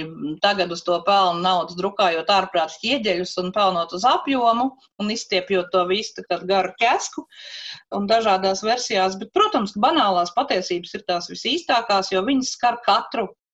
Un, un es nezinu, droši vien ir ļoti maz sieviešu, kuras nav vismaz iekšēji ieķērušās kaut kādā pēdiņas mm. sliktajā zēnā. Ja? Nu, nu, tā, kad uh, kaut, kaut, kā, kaut kā tas vairāk vai mazāk skar visus, cik ir interesanti par to, kurai lasīt, nu, tas tā kā cits jautājums. Mm. Jā, nu, redz, ka man, man kaut kā bija interesanti tieši šī grāmata. Bet, uh, jā, es, es, es lasu, mēdzu lasīt šādu, šādu literatūru, un, un reizēm es pat nemāku izskaidrot, kas ir tas, kas tur aizrauj. Un tāpat laikā cita, vei, cita tāda pa, paša veida grāmata man nokaitina tā, ka gribas vienkārši izmest pa logu to grāmatu. Un, un, un vai tas ir kaut kāds viens vārds, kas mani var aizķert, vai, vai kaut kāda viena darbība galvenajos varoņos. Un, jā, tur ir viennozīmīgi divnieks. tā. Um, kad, kad vēl jūs kaut gan Izklausās, ka jūs īsti nesat jutušās vainīgas un kaunīgas par to, kā lasāt, bet varbūt ir bijušas eh, situācijas vai reizes, kad tomēr tā ir bijis. Piemēram, es mazliet kaunos par to, ka es neesmu izlasījusi pietiekami daudz klasikas. Man šeit stāv šīs tēma Mihaila Bulgakova, romāns Meistars un Margarita, Man šis darbs stāv jau, man šķiet, kādus gadus, piecus uz naktas galdiņa. Es ļoti labi zinu, ka tā ir klasika, kas droši vien būtu jāizlasa ikvienam, bet es to neesmu izlasījusi, un man par to ir kauns. Kā ir ar jums? Vai jums ir tādas grāmatas? Nu, jā, um, man arī stāv klasika, piemēram, grāmatu plauktā, bet arī viņai neķerās klāt. Es nezinu, vienkārši es nejūtu, ka šis ir tas brīdis. Man laikam vēl ir jāizaug līdz tam. Es arī uzskatu, ka līdz klasikai ir jāizaug. Nu, ja vien tu neesi jau ar iedzīmtu augstu intelektuālu kapacitāti, vai arī nav bijuši kaut kādi uh, ģeniāli pasniedzēji uh, vai skolotāji. Un, um, man arī ir bijis, jā, šajā ziņā man ir bijis reizēm tā kā kauns, kad es saku, tā, nu kā es taču to neesmu lasījusi un to. Um, Un tad man ilgi bija kauns, un tad pienāca kaut kāds brīdis, kad es tā pa vienai sāku lasīt. Nu, nebiezā slānī, un tā ļoti daudz, ko es vēl neesmu izlasījusi. Un man un liekas, ka vajadzētu man vairāk arī lasīt tieši to tā, konkrēto grāmatu, Mēters un Margarita. Es esmu ļoti sen izlasījusi, bet man viņa neliek, man viņa, nu, jā, tā varbūt nav tāda klasika, klasika. Kā nezinu, Tolstojs, Dostojevskis, bet uh, bišķi cita žanra klasika. Dostojevska idiots arī stāv uz mana grāmatu plauktiņa. Idiots es izlasīju arī tikai pirms pāris gadiem.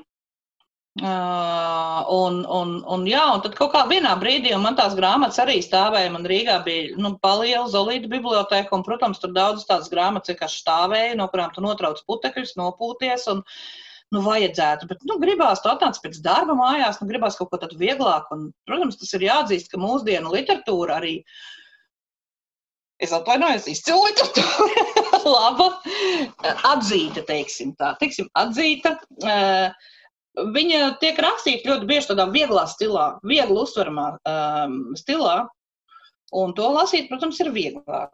Un tad tu bieži vien pastiepjas roku pēc kaut kā vieglāka, bet uh, tā, šad un tad um, kaut kas izlasās, jā, lēnām, bet es nejūtos, man liekas, ka man būtu vajadzējis izlasīt vairāk, bet es visu laiku sev mierinu ar domu, ka uh, es varbūt pieņemos gudrībā un spēšu labāk izprasties vēlāk lasīšu.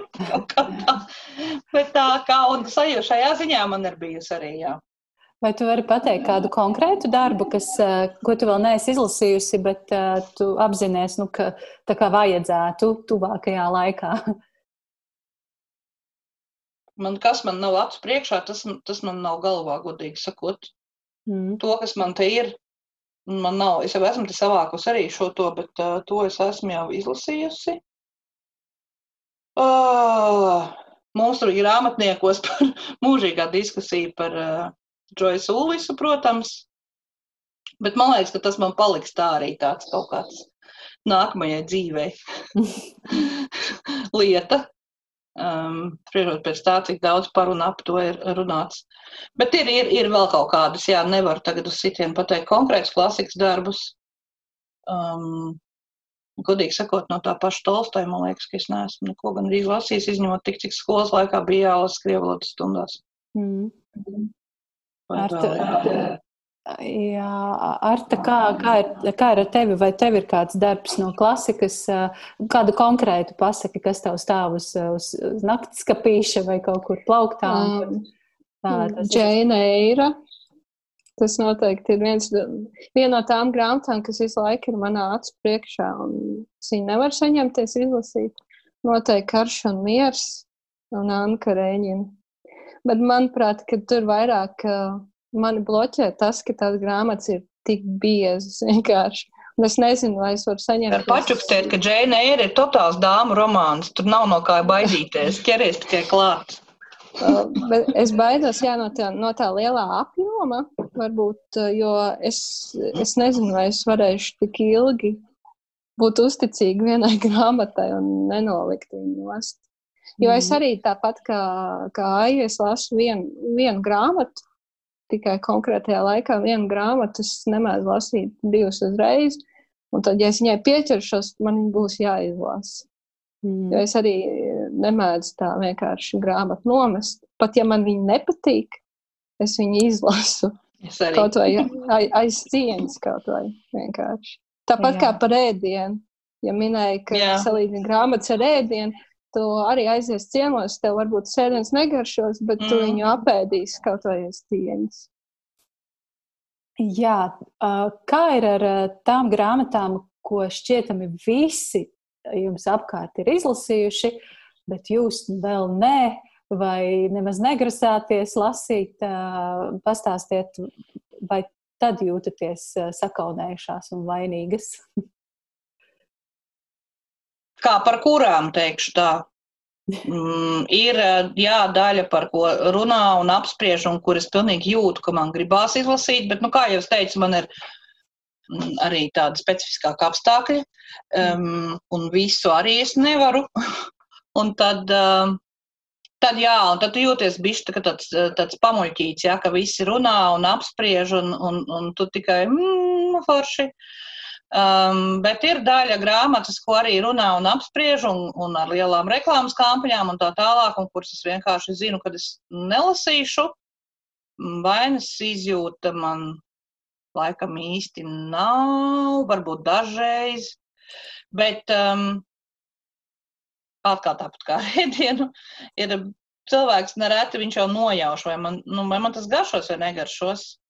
Uh, un, uh, Un es parasti kaut kā neviļos ne ēdienu, ne grāmatu ziņā, jo man, ja man jau liekas, grāmatās biežāk viļos.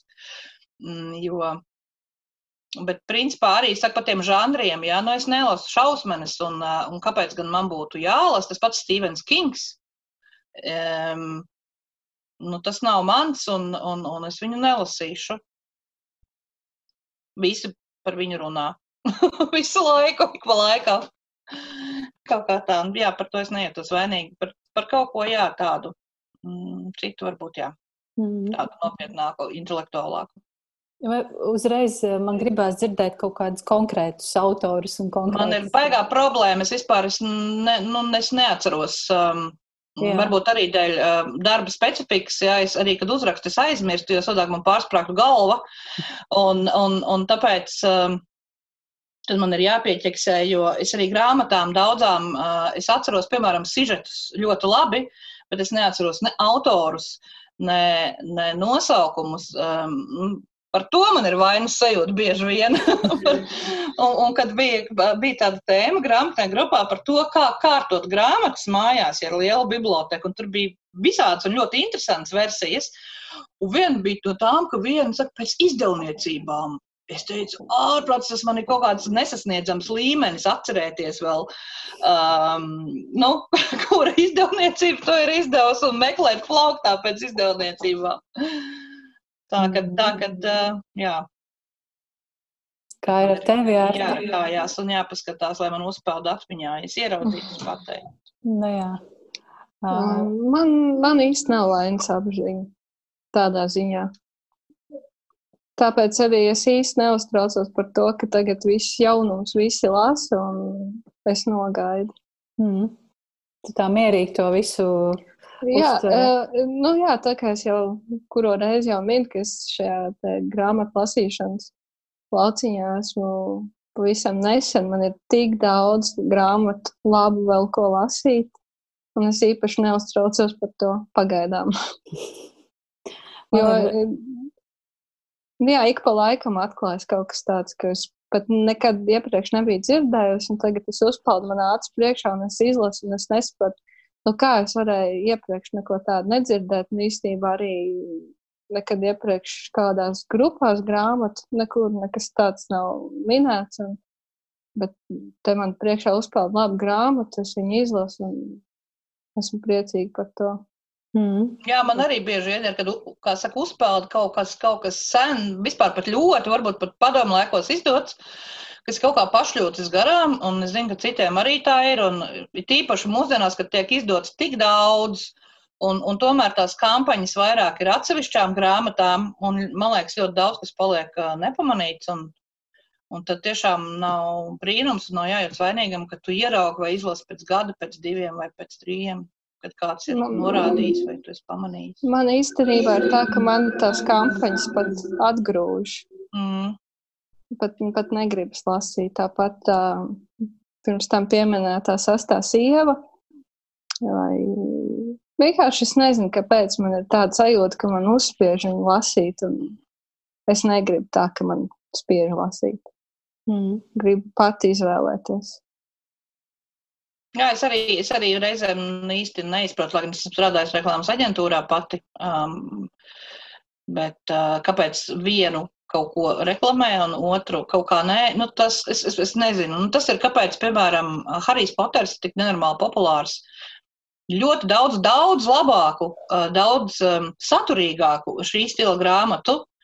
Vai Denis Brauns, man liekas, tur sakrīt kaut kāds zvaigžņu stāvoklis, veiksme, izdevējs, nu tas viss tā saliekās, un tad ir tāds bams, un pārējos tad vairs neredz vienkārši, lai gan tur ir kaut kas daudz labāks. Nu, es esmu jau rakstījusi un daudzkārt strīdējusies, vairs nestrīdos. Nu, teiksim, Rollings Dairada ir tā, ko es um, neciešu absolūti.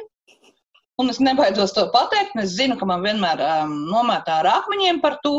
Un, un kā bērniem patīk Harijs Poters un, un tie viņas detektīva romāni, Galbraita par tiem daudz fano, kas, manuprāt, ir vispār kaut kas nelasāms totāli.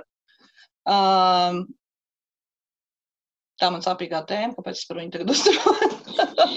Jā, laikam arī, arī par to, ka, ka tas viens tā noklāja, noklāja um, un, un, un, un kaut kas daudz, daudz labāks, uh, kvalitatīvāks, vērtīgāks paliek tā kā apakšā.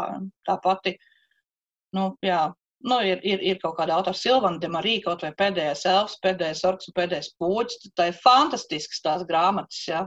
Viņas ir gan interesantas, gan saturīgas, gan dzīves. Un tur arī ir puķi, elfa, viss kaut kas, bet tur ir nu, kaut, kas, kaut kas apakšā tāds vērtīgāks, kas dod, nu, manuprāt, grāmatai vērtību. Jā, pie iepriekšējās tēmas, arī par izcilību runājot un kvalitāti, manuprāt, viens no tādiem rādītājiem ir daudzslāņainība grāmatas, kad um, man mīļš piemērs ir Pepija Garzeķe, kuru var lasīt jebkurā vecumā un atrast uh, kaut ko sev. Um, bērns viņu lasīs kā stāstu par tādu neparastu meiteni, ja, vai tas būs stāsts par draudzību. Ja. Vientuļie bērni tur ieraudzīs, uh, nu, ka tu vari nebūt vientuļš, ja, kad arī par kaut, kaut kādu tādu draudzības tēmu.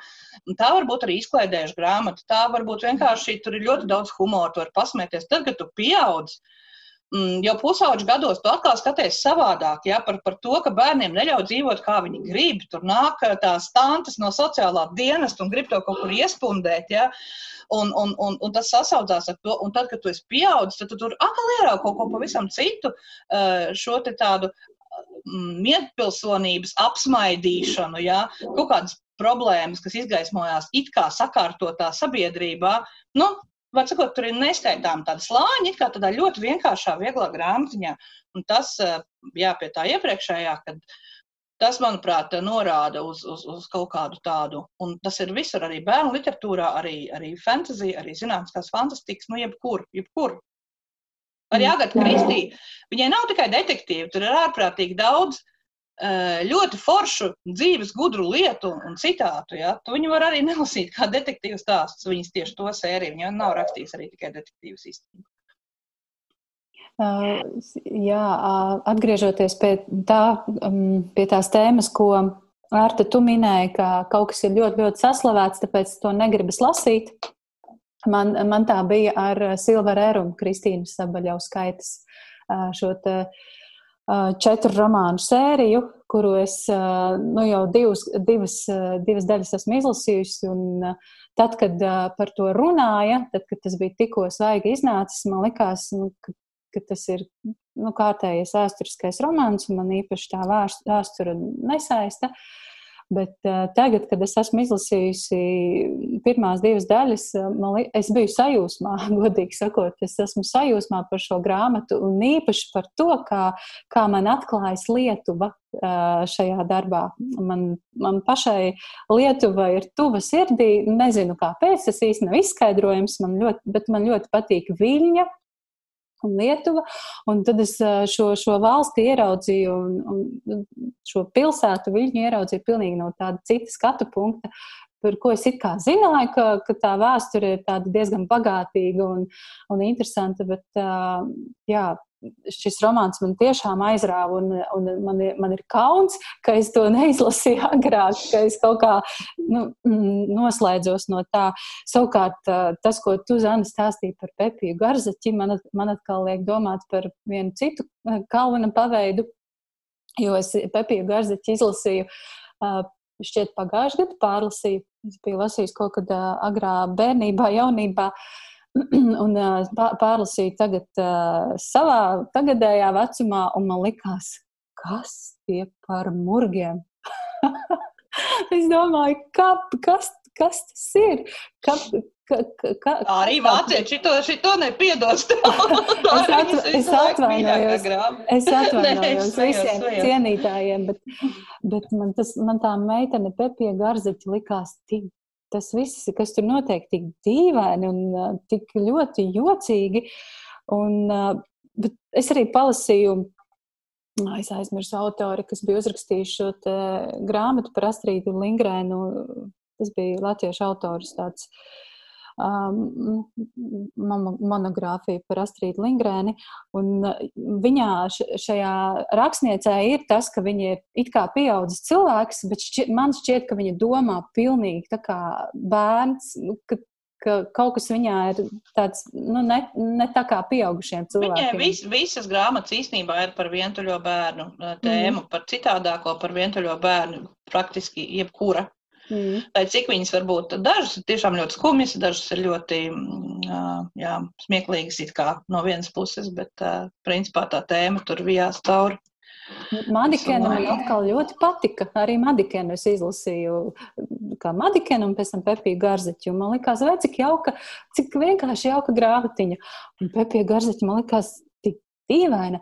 Un tas, ko es jā, gribēju pakomentēt, nu, kāpēc, kāpēc es neuztvēru to Pepiju Garziķu tā kā uztvēri to tu, Zāne, un kā tu viņu ļoti interesanti aprakstīji kas, kas manī, manā prāta stāvoklī ne tāds, kāpēc es nevaru tā iedzināties šajā. Es domāju, tēlā. tas nav atkarīgs no, no, no prāta stāvokļa, jo um, man patīk teiciens, ka mēs visi, um, kā tur bija teiciens, Nu, ka ir forši, ka mēs esam visi tik dažādi, jo, ja mums būtu jābūt vienādiem, tad kāpēc mums vajadzētu tik daudz? Ja? Nu, kāpēc tad vajag 7 miljardus, tad pietikt ar vienu? Mm, un, un katrs cilvēks ir uh, ar savu bagāžu, ar savu domāšanas veidu. Uh, vienam ir loģiskā domāšana vai racionālā izteikta, vienam ir uh, emocionālā. Es zinu, es apzinos, ka esmu ļoti emocionāla un ka es domāju abstrakti. Uh, Um, nu es, piemēram, nespēju klausīties, ka man skaļi lasa priekšā, tāpēc audio grāmatas nav man. Es nespēju, es neuztveru informāciju, man tas kaitina uh, šī monotonā kaut kāda ilgstoša lasīšana. Mm, es neuztveru arī daudzas citas grāmatas. Man, piemēram, skolas laikā es vispār lasīju tikai zinātnisko fantastiku, bet klasiku, Bredberija, Zīmolu, Šekliju, Katneru. Um, par ko man atgriežoties pie kaunāšanas literatūras skolotāja kaunināja jo viņai tā likās lubu literatūra, un mēs tur līdz asinīm strīdējāmies. Ja? Um, bet, um, Un es domāju, jā, ka katram ir savs, jo man, liek, jo man liekas, kāpēc man jālasa par reālo dzīvi grāmatās. Bet viņi man ir apkārt, un man tā dzīve nekad nav bijusi salda un nekad nav bijusi skaista. Nu, tāda, tāda, nu, tāda laimīgā bērnība, laimīgā dzīve. Uh, Un, un, un līdz ar to man negribās vēl par kaut kādiem tādām, kaut kādām tādām drūmām lietām lasīt grāmatā. Tas tā kā es jau bērnībā nesapratu, kāpēc ir mūtenēs jāzīmē cilvēki. Tā kā īstenībā viņi ir, es domāju, bet tad taču tu var uzņemt filmu. Kad zīmējot, tu vari izpausties jebkā. Un arī, arī literatūrā, man liekas, ka, nu, mm, tad vai nu tā realitāte, nu es par sevi runāju, ja, priekš manis, tad viņai ir jābūt tik, tik, tik kolosāli, dziļi kaut kā. Nu, tas pats Blaumans, kā viņš var aprakstīt, ja? vai vēl kaut kādi tādi meistari. Um, bet vienkārši aprakstīt, uh, kas notiek dzīvē, nu, tas atkal man nešķiet interesanti. Un līdz ar to es domāju, ka nav jājūt vainīgi arī par Pepiju. Man, piemēram, šausmīgi nepatīk Pīters Pens savukārt. Nu, man tas liekas kaut kas, kaut kas nu, briesmīgi, tā grāmata, un tur tas tie vecāki bērni, un tas viss arī liekas kaut kā tā nežēlīgi, kaut kā slimi. un, un līdz ar to, un citi taču nu, par to arī fano, un tad uz priekšu. Bet eh, es domāju, ka tas ir, tas pat nav atkarīgs no kādiem tur kaut kādiem prāta līmeņiem ko, bet tas drīzāk tiešām ir no kaut kādas dzīves uztveres un uh, mentalitātes rakstura, domāšanas veida. Nu, tas tāpat kā es nevarētu būt kodolfiziķis, piemēram, nekad, vai biznesmenis. Man vienkārši nav, nav tādu iestatījumu. Tomēr mēs atgriežamies pie tā, ka katram savs. Kā ir ar, jā, kā ir ar lasīšanas ātrumu un daudzumu? Es sāku uztraukties, ja, ja man apkārt cilvēki sāk dikti daudz lasīt un dalīties ar šo informāciju. Man liekas, ak, Dievs, es tik lēni lasu, un, un es nepaspēju to, un, un rekur jau nākamais romāns ir iz, izdots. Un, un, jā, tas ir jāpaspēj, tas ir jāpaspēj, un vispār dzīve ir īsa. No, es abrīnoju arī, arī grāmatnieku grupā, kas man devusi iespēju iepazīties ar fantastiskiem cilvēkiem, gan virtuāli, gan arī uh, dzīvē. Uh, un, uh, un es abrīnoju tiešām dažus cilvēkus, ka, kas izlasa visu un visus jaunumus, bet es kādreiz arī, jā, es ņēmu no bibliotekas par piecām, sešām grāmatām, un pēc desmit dienām ņēmu atkal piecas, sešas, un, un, un, un Tā jā, man te nav bibliotekas latviešu. un, un arī bišķi citi apstākļi. Mm, Bet es abrīnoju, jā, šobrīd es abrīnoju. Lai gan es pati lasu, es lasu, un, ja man tas interesē, es arī izlasu ātri, es arī varu nosēdēt nakti un, un, un izlasīt uh, arī milzīgus ķieģeļus, ja es tur iekrītu iekšā. Mm. Kā, kā ar te ir ar tevi? Vai, vai tev ir mazliet trauksme un, un satraukums, ja kāds lasa vairāk, šķietami vairāk nekā tu? Uh, jā, tas izteikti bija pagājušajā gadā, kad es tieši sāku lasīt grāmatas. Pirmajā mēnesī es izlasīju 20 grāmatu, un man likās kaut kas nenormāli liels. Es domāju, ka neviens jau tā nemaz nelasa tik daudz kā es. Un tad es dalījos ar šo informāciju ar kaimiņieni. Viņi saka, 20 grāmatas mēnesī, 25 lasu divās nedēļās. Un, un tas man mazliet apstulbināja. Un, bet, nu jā, protams, man, man mazliet skauž, ka citi lasa vairāk nekā es, jo arī kopš es rakstu blogu, man nesanāk tik daudz izlasīt, jo man ir jāpievērš arī tam blogam, kur nevar tur uzrakstīt vienas stundas laikā, citreiz pat tas aizņem veselu dienu, un tad mazliet iekavēs tie, tie lasīšanas darbi. Mm. Vēl jau cita dzīve arī notiek apkārt. Tieši tā. Tie, es, tieši tā. Man ir, es esmu dabūjis pa krāgu no saviem grāmatniekiem, ka es paužu tādu nepopulāru viedokli, lasītāju viedokli. Es neesmu no tiem, kas uzskata, ka lasīšana ir vienīgais, kas bagātina vai izklaidē, un kad ir daudz citu avotu, arī kā uztvert informāciju un bagātināties un uh, Kādreiz man likās, jā, ka tie, kas nelasa, tiem es vispār nerunāju, maksimālismā jaunībā. Tad tagad, protams, cilvēks kļūst tāds nedaudz rāmāks un iecietīgāks. Mm. Un saprot kaut kādas citas lietas arī. Es domāju, ka vēl par to, par to, par to vainas izjūtu, par to ātrumu tur ir arī tas, ka uh, par to laiku man nav laika lasīt. Tas atkal tas, ko es nesaprotu. Man liekas, ka laiks vienmēr ir ir prioritātes. Mm. Nu, kā tu sadali to laiku? Tas ir, es varu atzīties, tas, tas, par to es bišķi uztapos, ja kāds saka, man nav laika lasīt. Nevis godīgi pasaka, nē, es tagad negribu, vai man nav tāds periods, vai ko, bet man nav laika lasīt.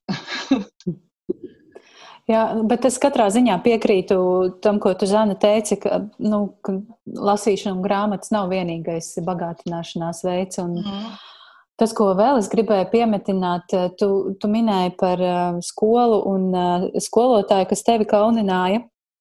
Un uh, es atcerējos, uh, ko es gribēju teikt, uh, un kāpēc manī bija varbūt tāda nu, pretreakcija pret šiem te terminiem, mazvērtīgs un izcils. Un, un tu, Zana, arī minēji tādu vārdu kā sē, sēnelas, jo es pati vēl nesen biju skolotāja, es mācīju latviešu valodu un literatūru. Uh, Un eh, es ļoti gribēju, lai mani skolēni lasa.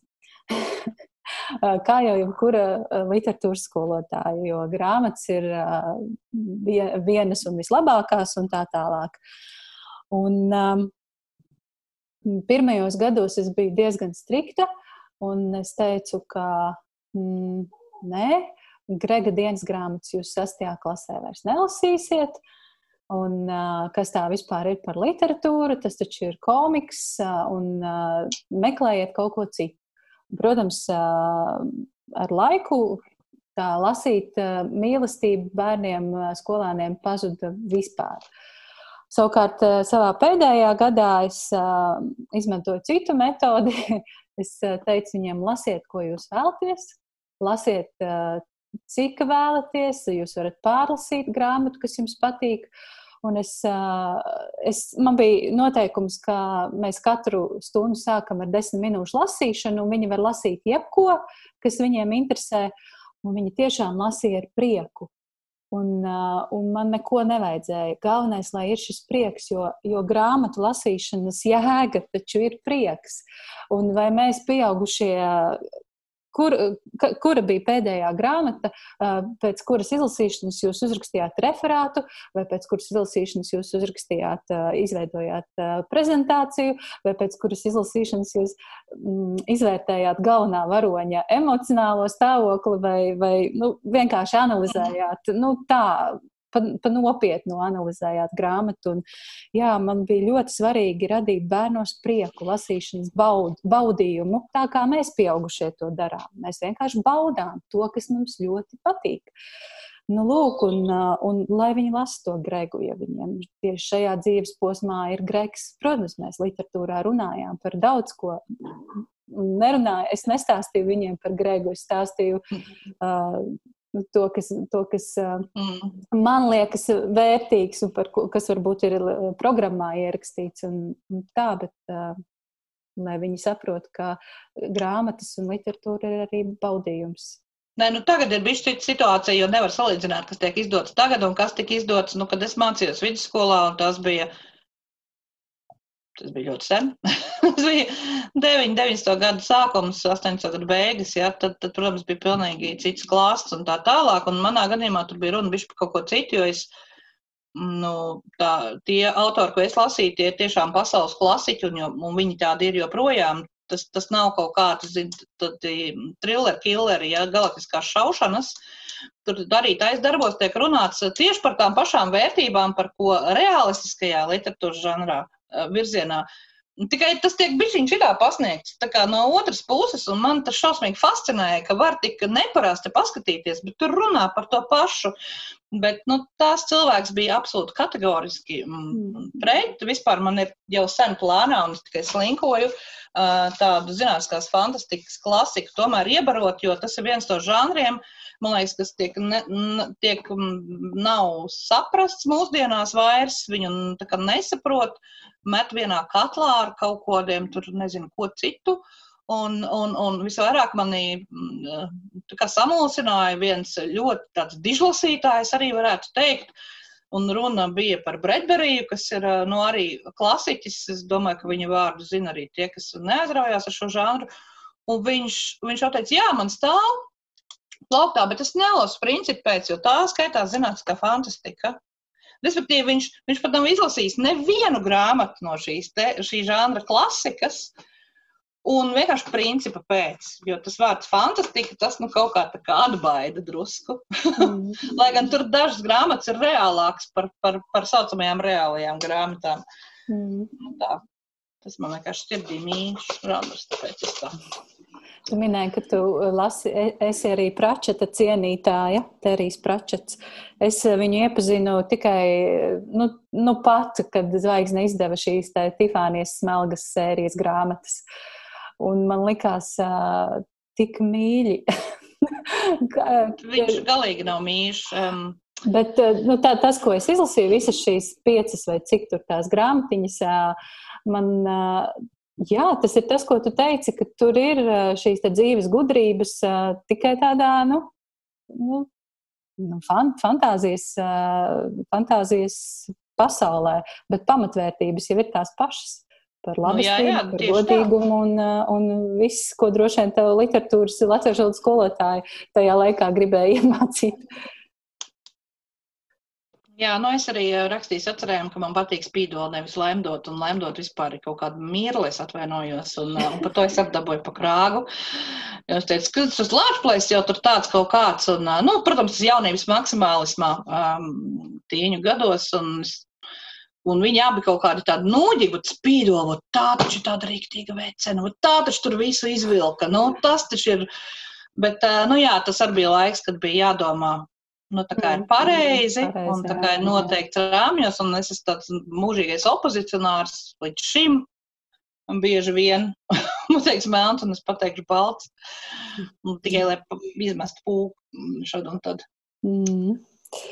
Klau, mēs varētu kā, pamazām virzīties uz sarunas noslēgumu, jo esam ļoti, ļoti daudz jau runājušas. Es nezinu, ja kāds mūs joprojām klausās. Droši izgriezt pusi ārā no tā, ko es samūdēju. neko negriezīsim, ne, ne, lai viss paliek oriģinālā. Bet, um, jā, meklējot informāciju par šo tēmu, par uh, lasītāju un vainas un kaunas sajūtu, es, uh, es izlasīju ļoti daudz dažādu situāciju, kur šis lasītājs var justies vainīg, vainīgs uh, vai sakaudējies, un tad es nolasīšu mm, to sarakstu, ko es izrakstīju, un jūs pakomentēsiet, vai esat kaut ko tādu piedzīvojuši vai nē.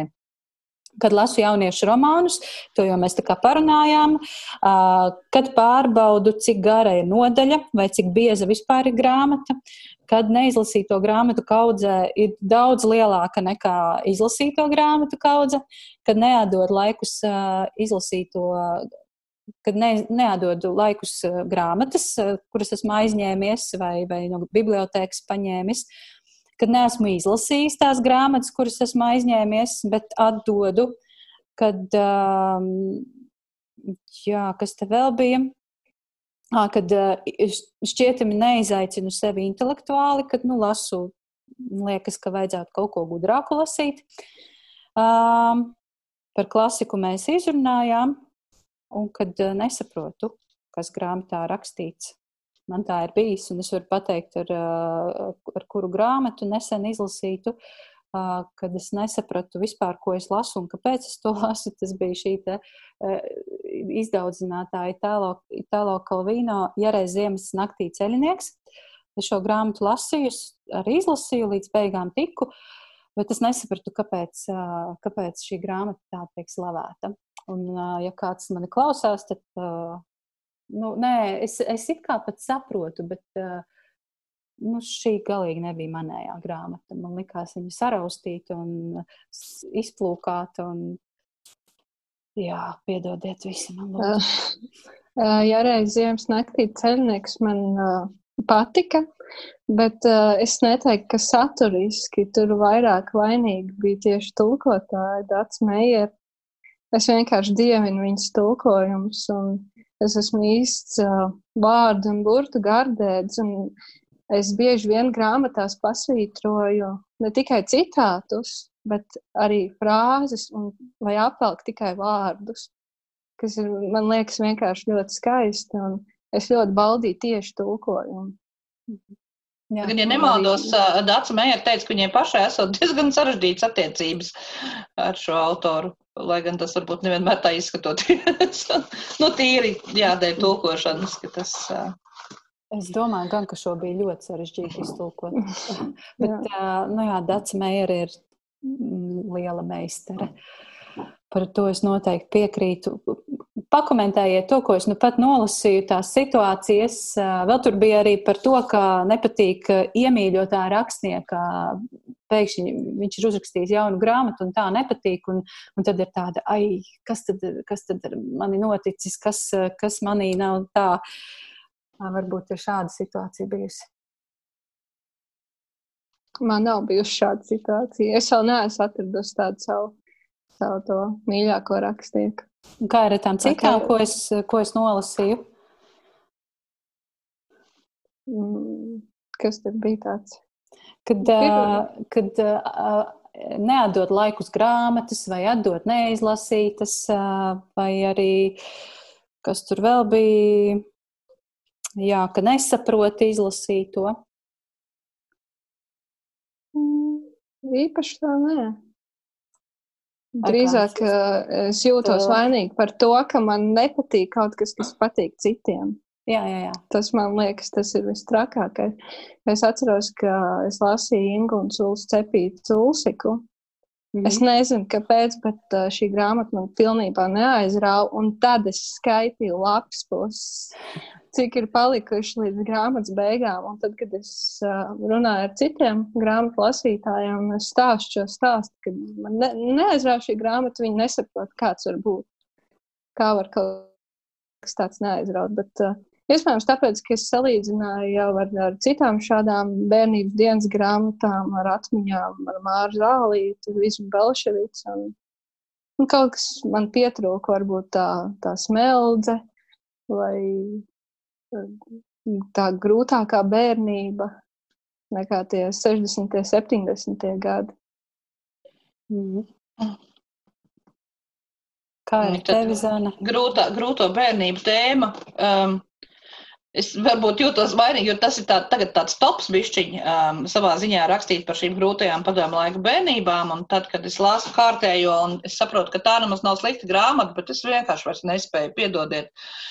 Vai par vispār par kaut kādām tādām smagām globālām tēmām, un es domāju, nu, bet es nevaru. Uh, nu, nu, nu, jau ir pa daudz, jā. Nu, nu, cik var, nu, cik var. Nu, man ir konkrēti pa daudz.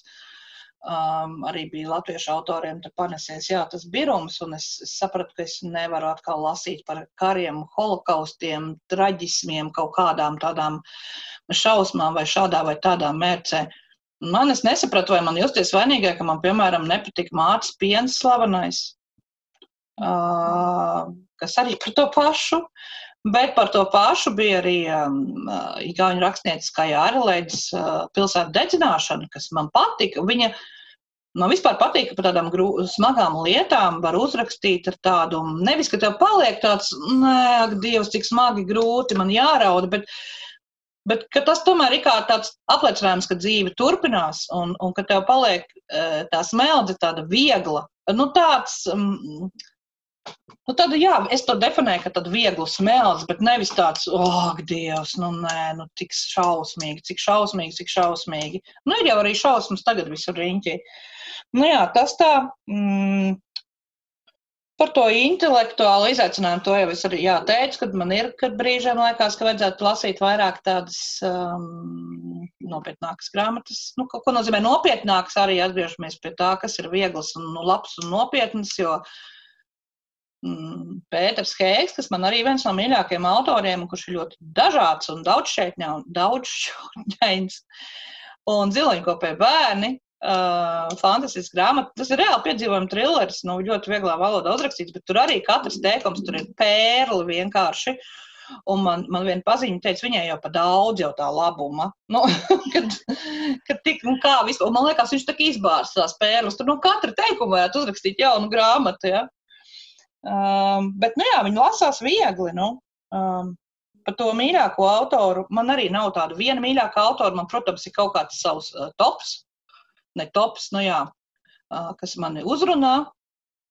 Uh, ir bijis, jā, ka kaut kas uh, nepatīk. Uh, mēs uh, savulaik ar uh, manu draugu uh, definējām to tā, ka ir. Um, Tas arī gan vairāk par mūziku, bet tas attiecās, man liekas, uz jebkuru mākslas uh, nozari. Uh, kad ir radītas lietas un ir izdomātas lietas.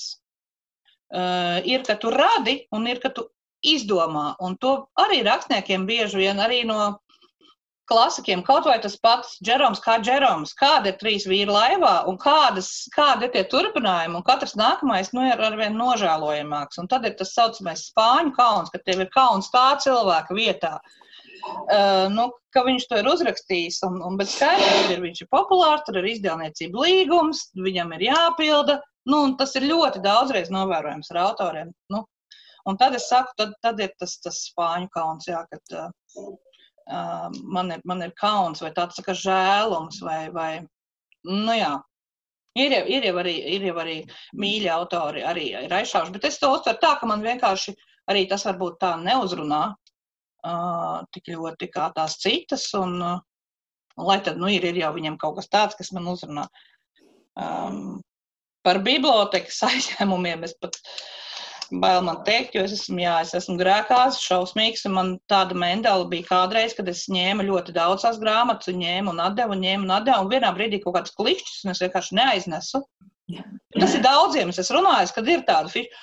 Nu, tur labi, rīt, labi, rīt, labi, parīt, tad ir pagājis mēnesis, un tā tev ir kauns iet ar tām grāmatām, protams. Un tad tu izlaicies par beigtu dzīvi. Un tagad es vispār aizbraucu ļoti, ļoti spontāni pārvācos uz citu valsti. Un, um, jā, un kaut kādas dažas bibliotekas grāmatas ir pie maniem joprojām. Bet tās bibliotekas daudzas ir likvidētas. Bet es noteikti esmu kaut kādos vispār, jā, tur sarakstos melnajos. Tas, Netiks tas man ir atpakaļ uz Latviju. Nē, nu man es nezinu, ko man darīt. Un tas man stāv tiešām kā tāds smagums, godīgi sakot. Tas, ka no draugiem es kaut ko aizņemos, tas es pieņemu to kā normālu tādu asinsriti, jo tas tā ir mūzikas ieraksti, grāmatas, viņas tā riņķo, arī mans grāmatas ļoti daudz ir kaut kur, kaut kur riņķo, tā uz riņķi, un kaut kas cits atriņķo pie manīm, un riņķo tālāk. Tā, kad... mm. Nu, jā. Nu, skaidrs. Mēs esam ļoti ilgi runājuši. Man liekas, mēs mazāk runājām par kaunu un vainas sajūtu, bet vairāk par, par vienkārši par grāmatām un par izcilo un mazāk izcilo. Un šķiet, ka kaunos, kaunēšanās par to, ko, ko lasām, ir tikai manī. Jūs esat diezgan veselīgi domājošas sievietes un, un zināt, kas jums patīk. Un, Nē, nu man ir bijis tā, es saku tās sēnās, ka es lasīju, nu tas ir vecs apzīmējums sēnā literatūra, bet es domāju, ak, Dievs, ak, Dievs, ārprāt, ko es te lasu? Nu tā man pie sevis ir tā padomās, bet, bet cits priekšā, jā. Bet, bet ziniet, kā es gribētu jums novēlēt, lai jūs pamēģinātu pagaršot kādu ēdienu, kas jums visu mūžu licies negaršīgs un, un, uh, un jā, kas jums licies ne jūsu gaumei, un es novēlu, lai jums iegaršojas. es novēlu pamēģināt, jā. Uh, un vēl es gribu teikt jums paldies par šodienas sarunu, par diskusiju. paldies, Ārta! Paldies tev, ka uzaicināji! un paldies arī tev, Zana!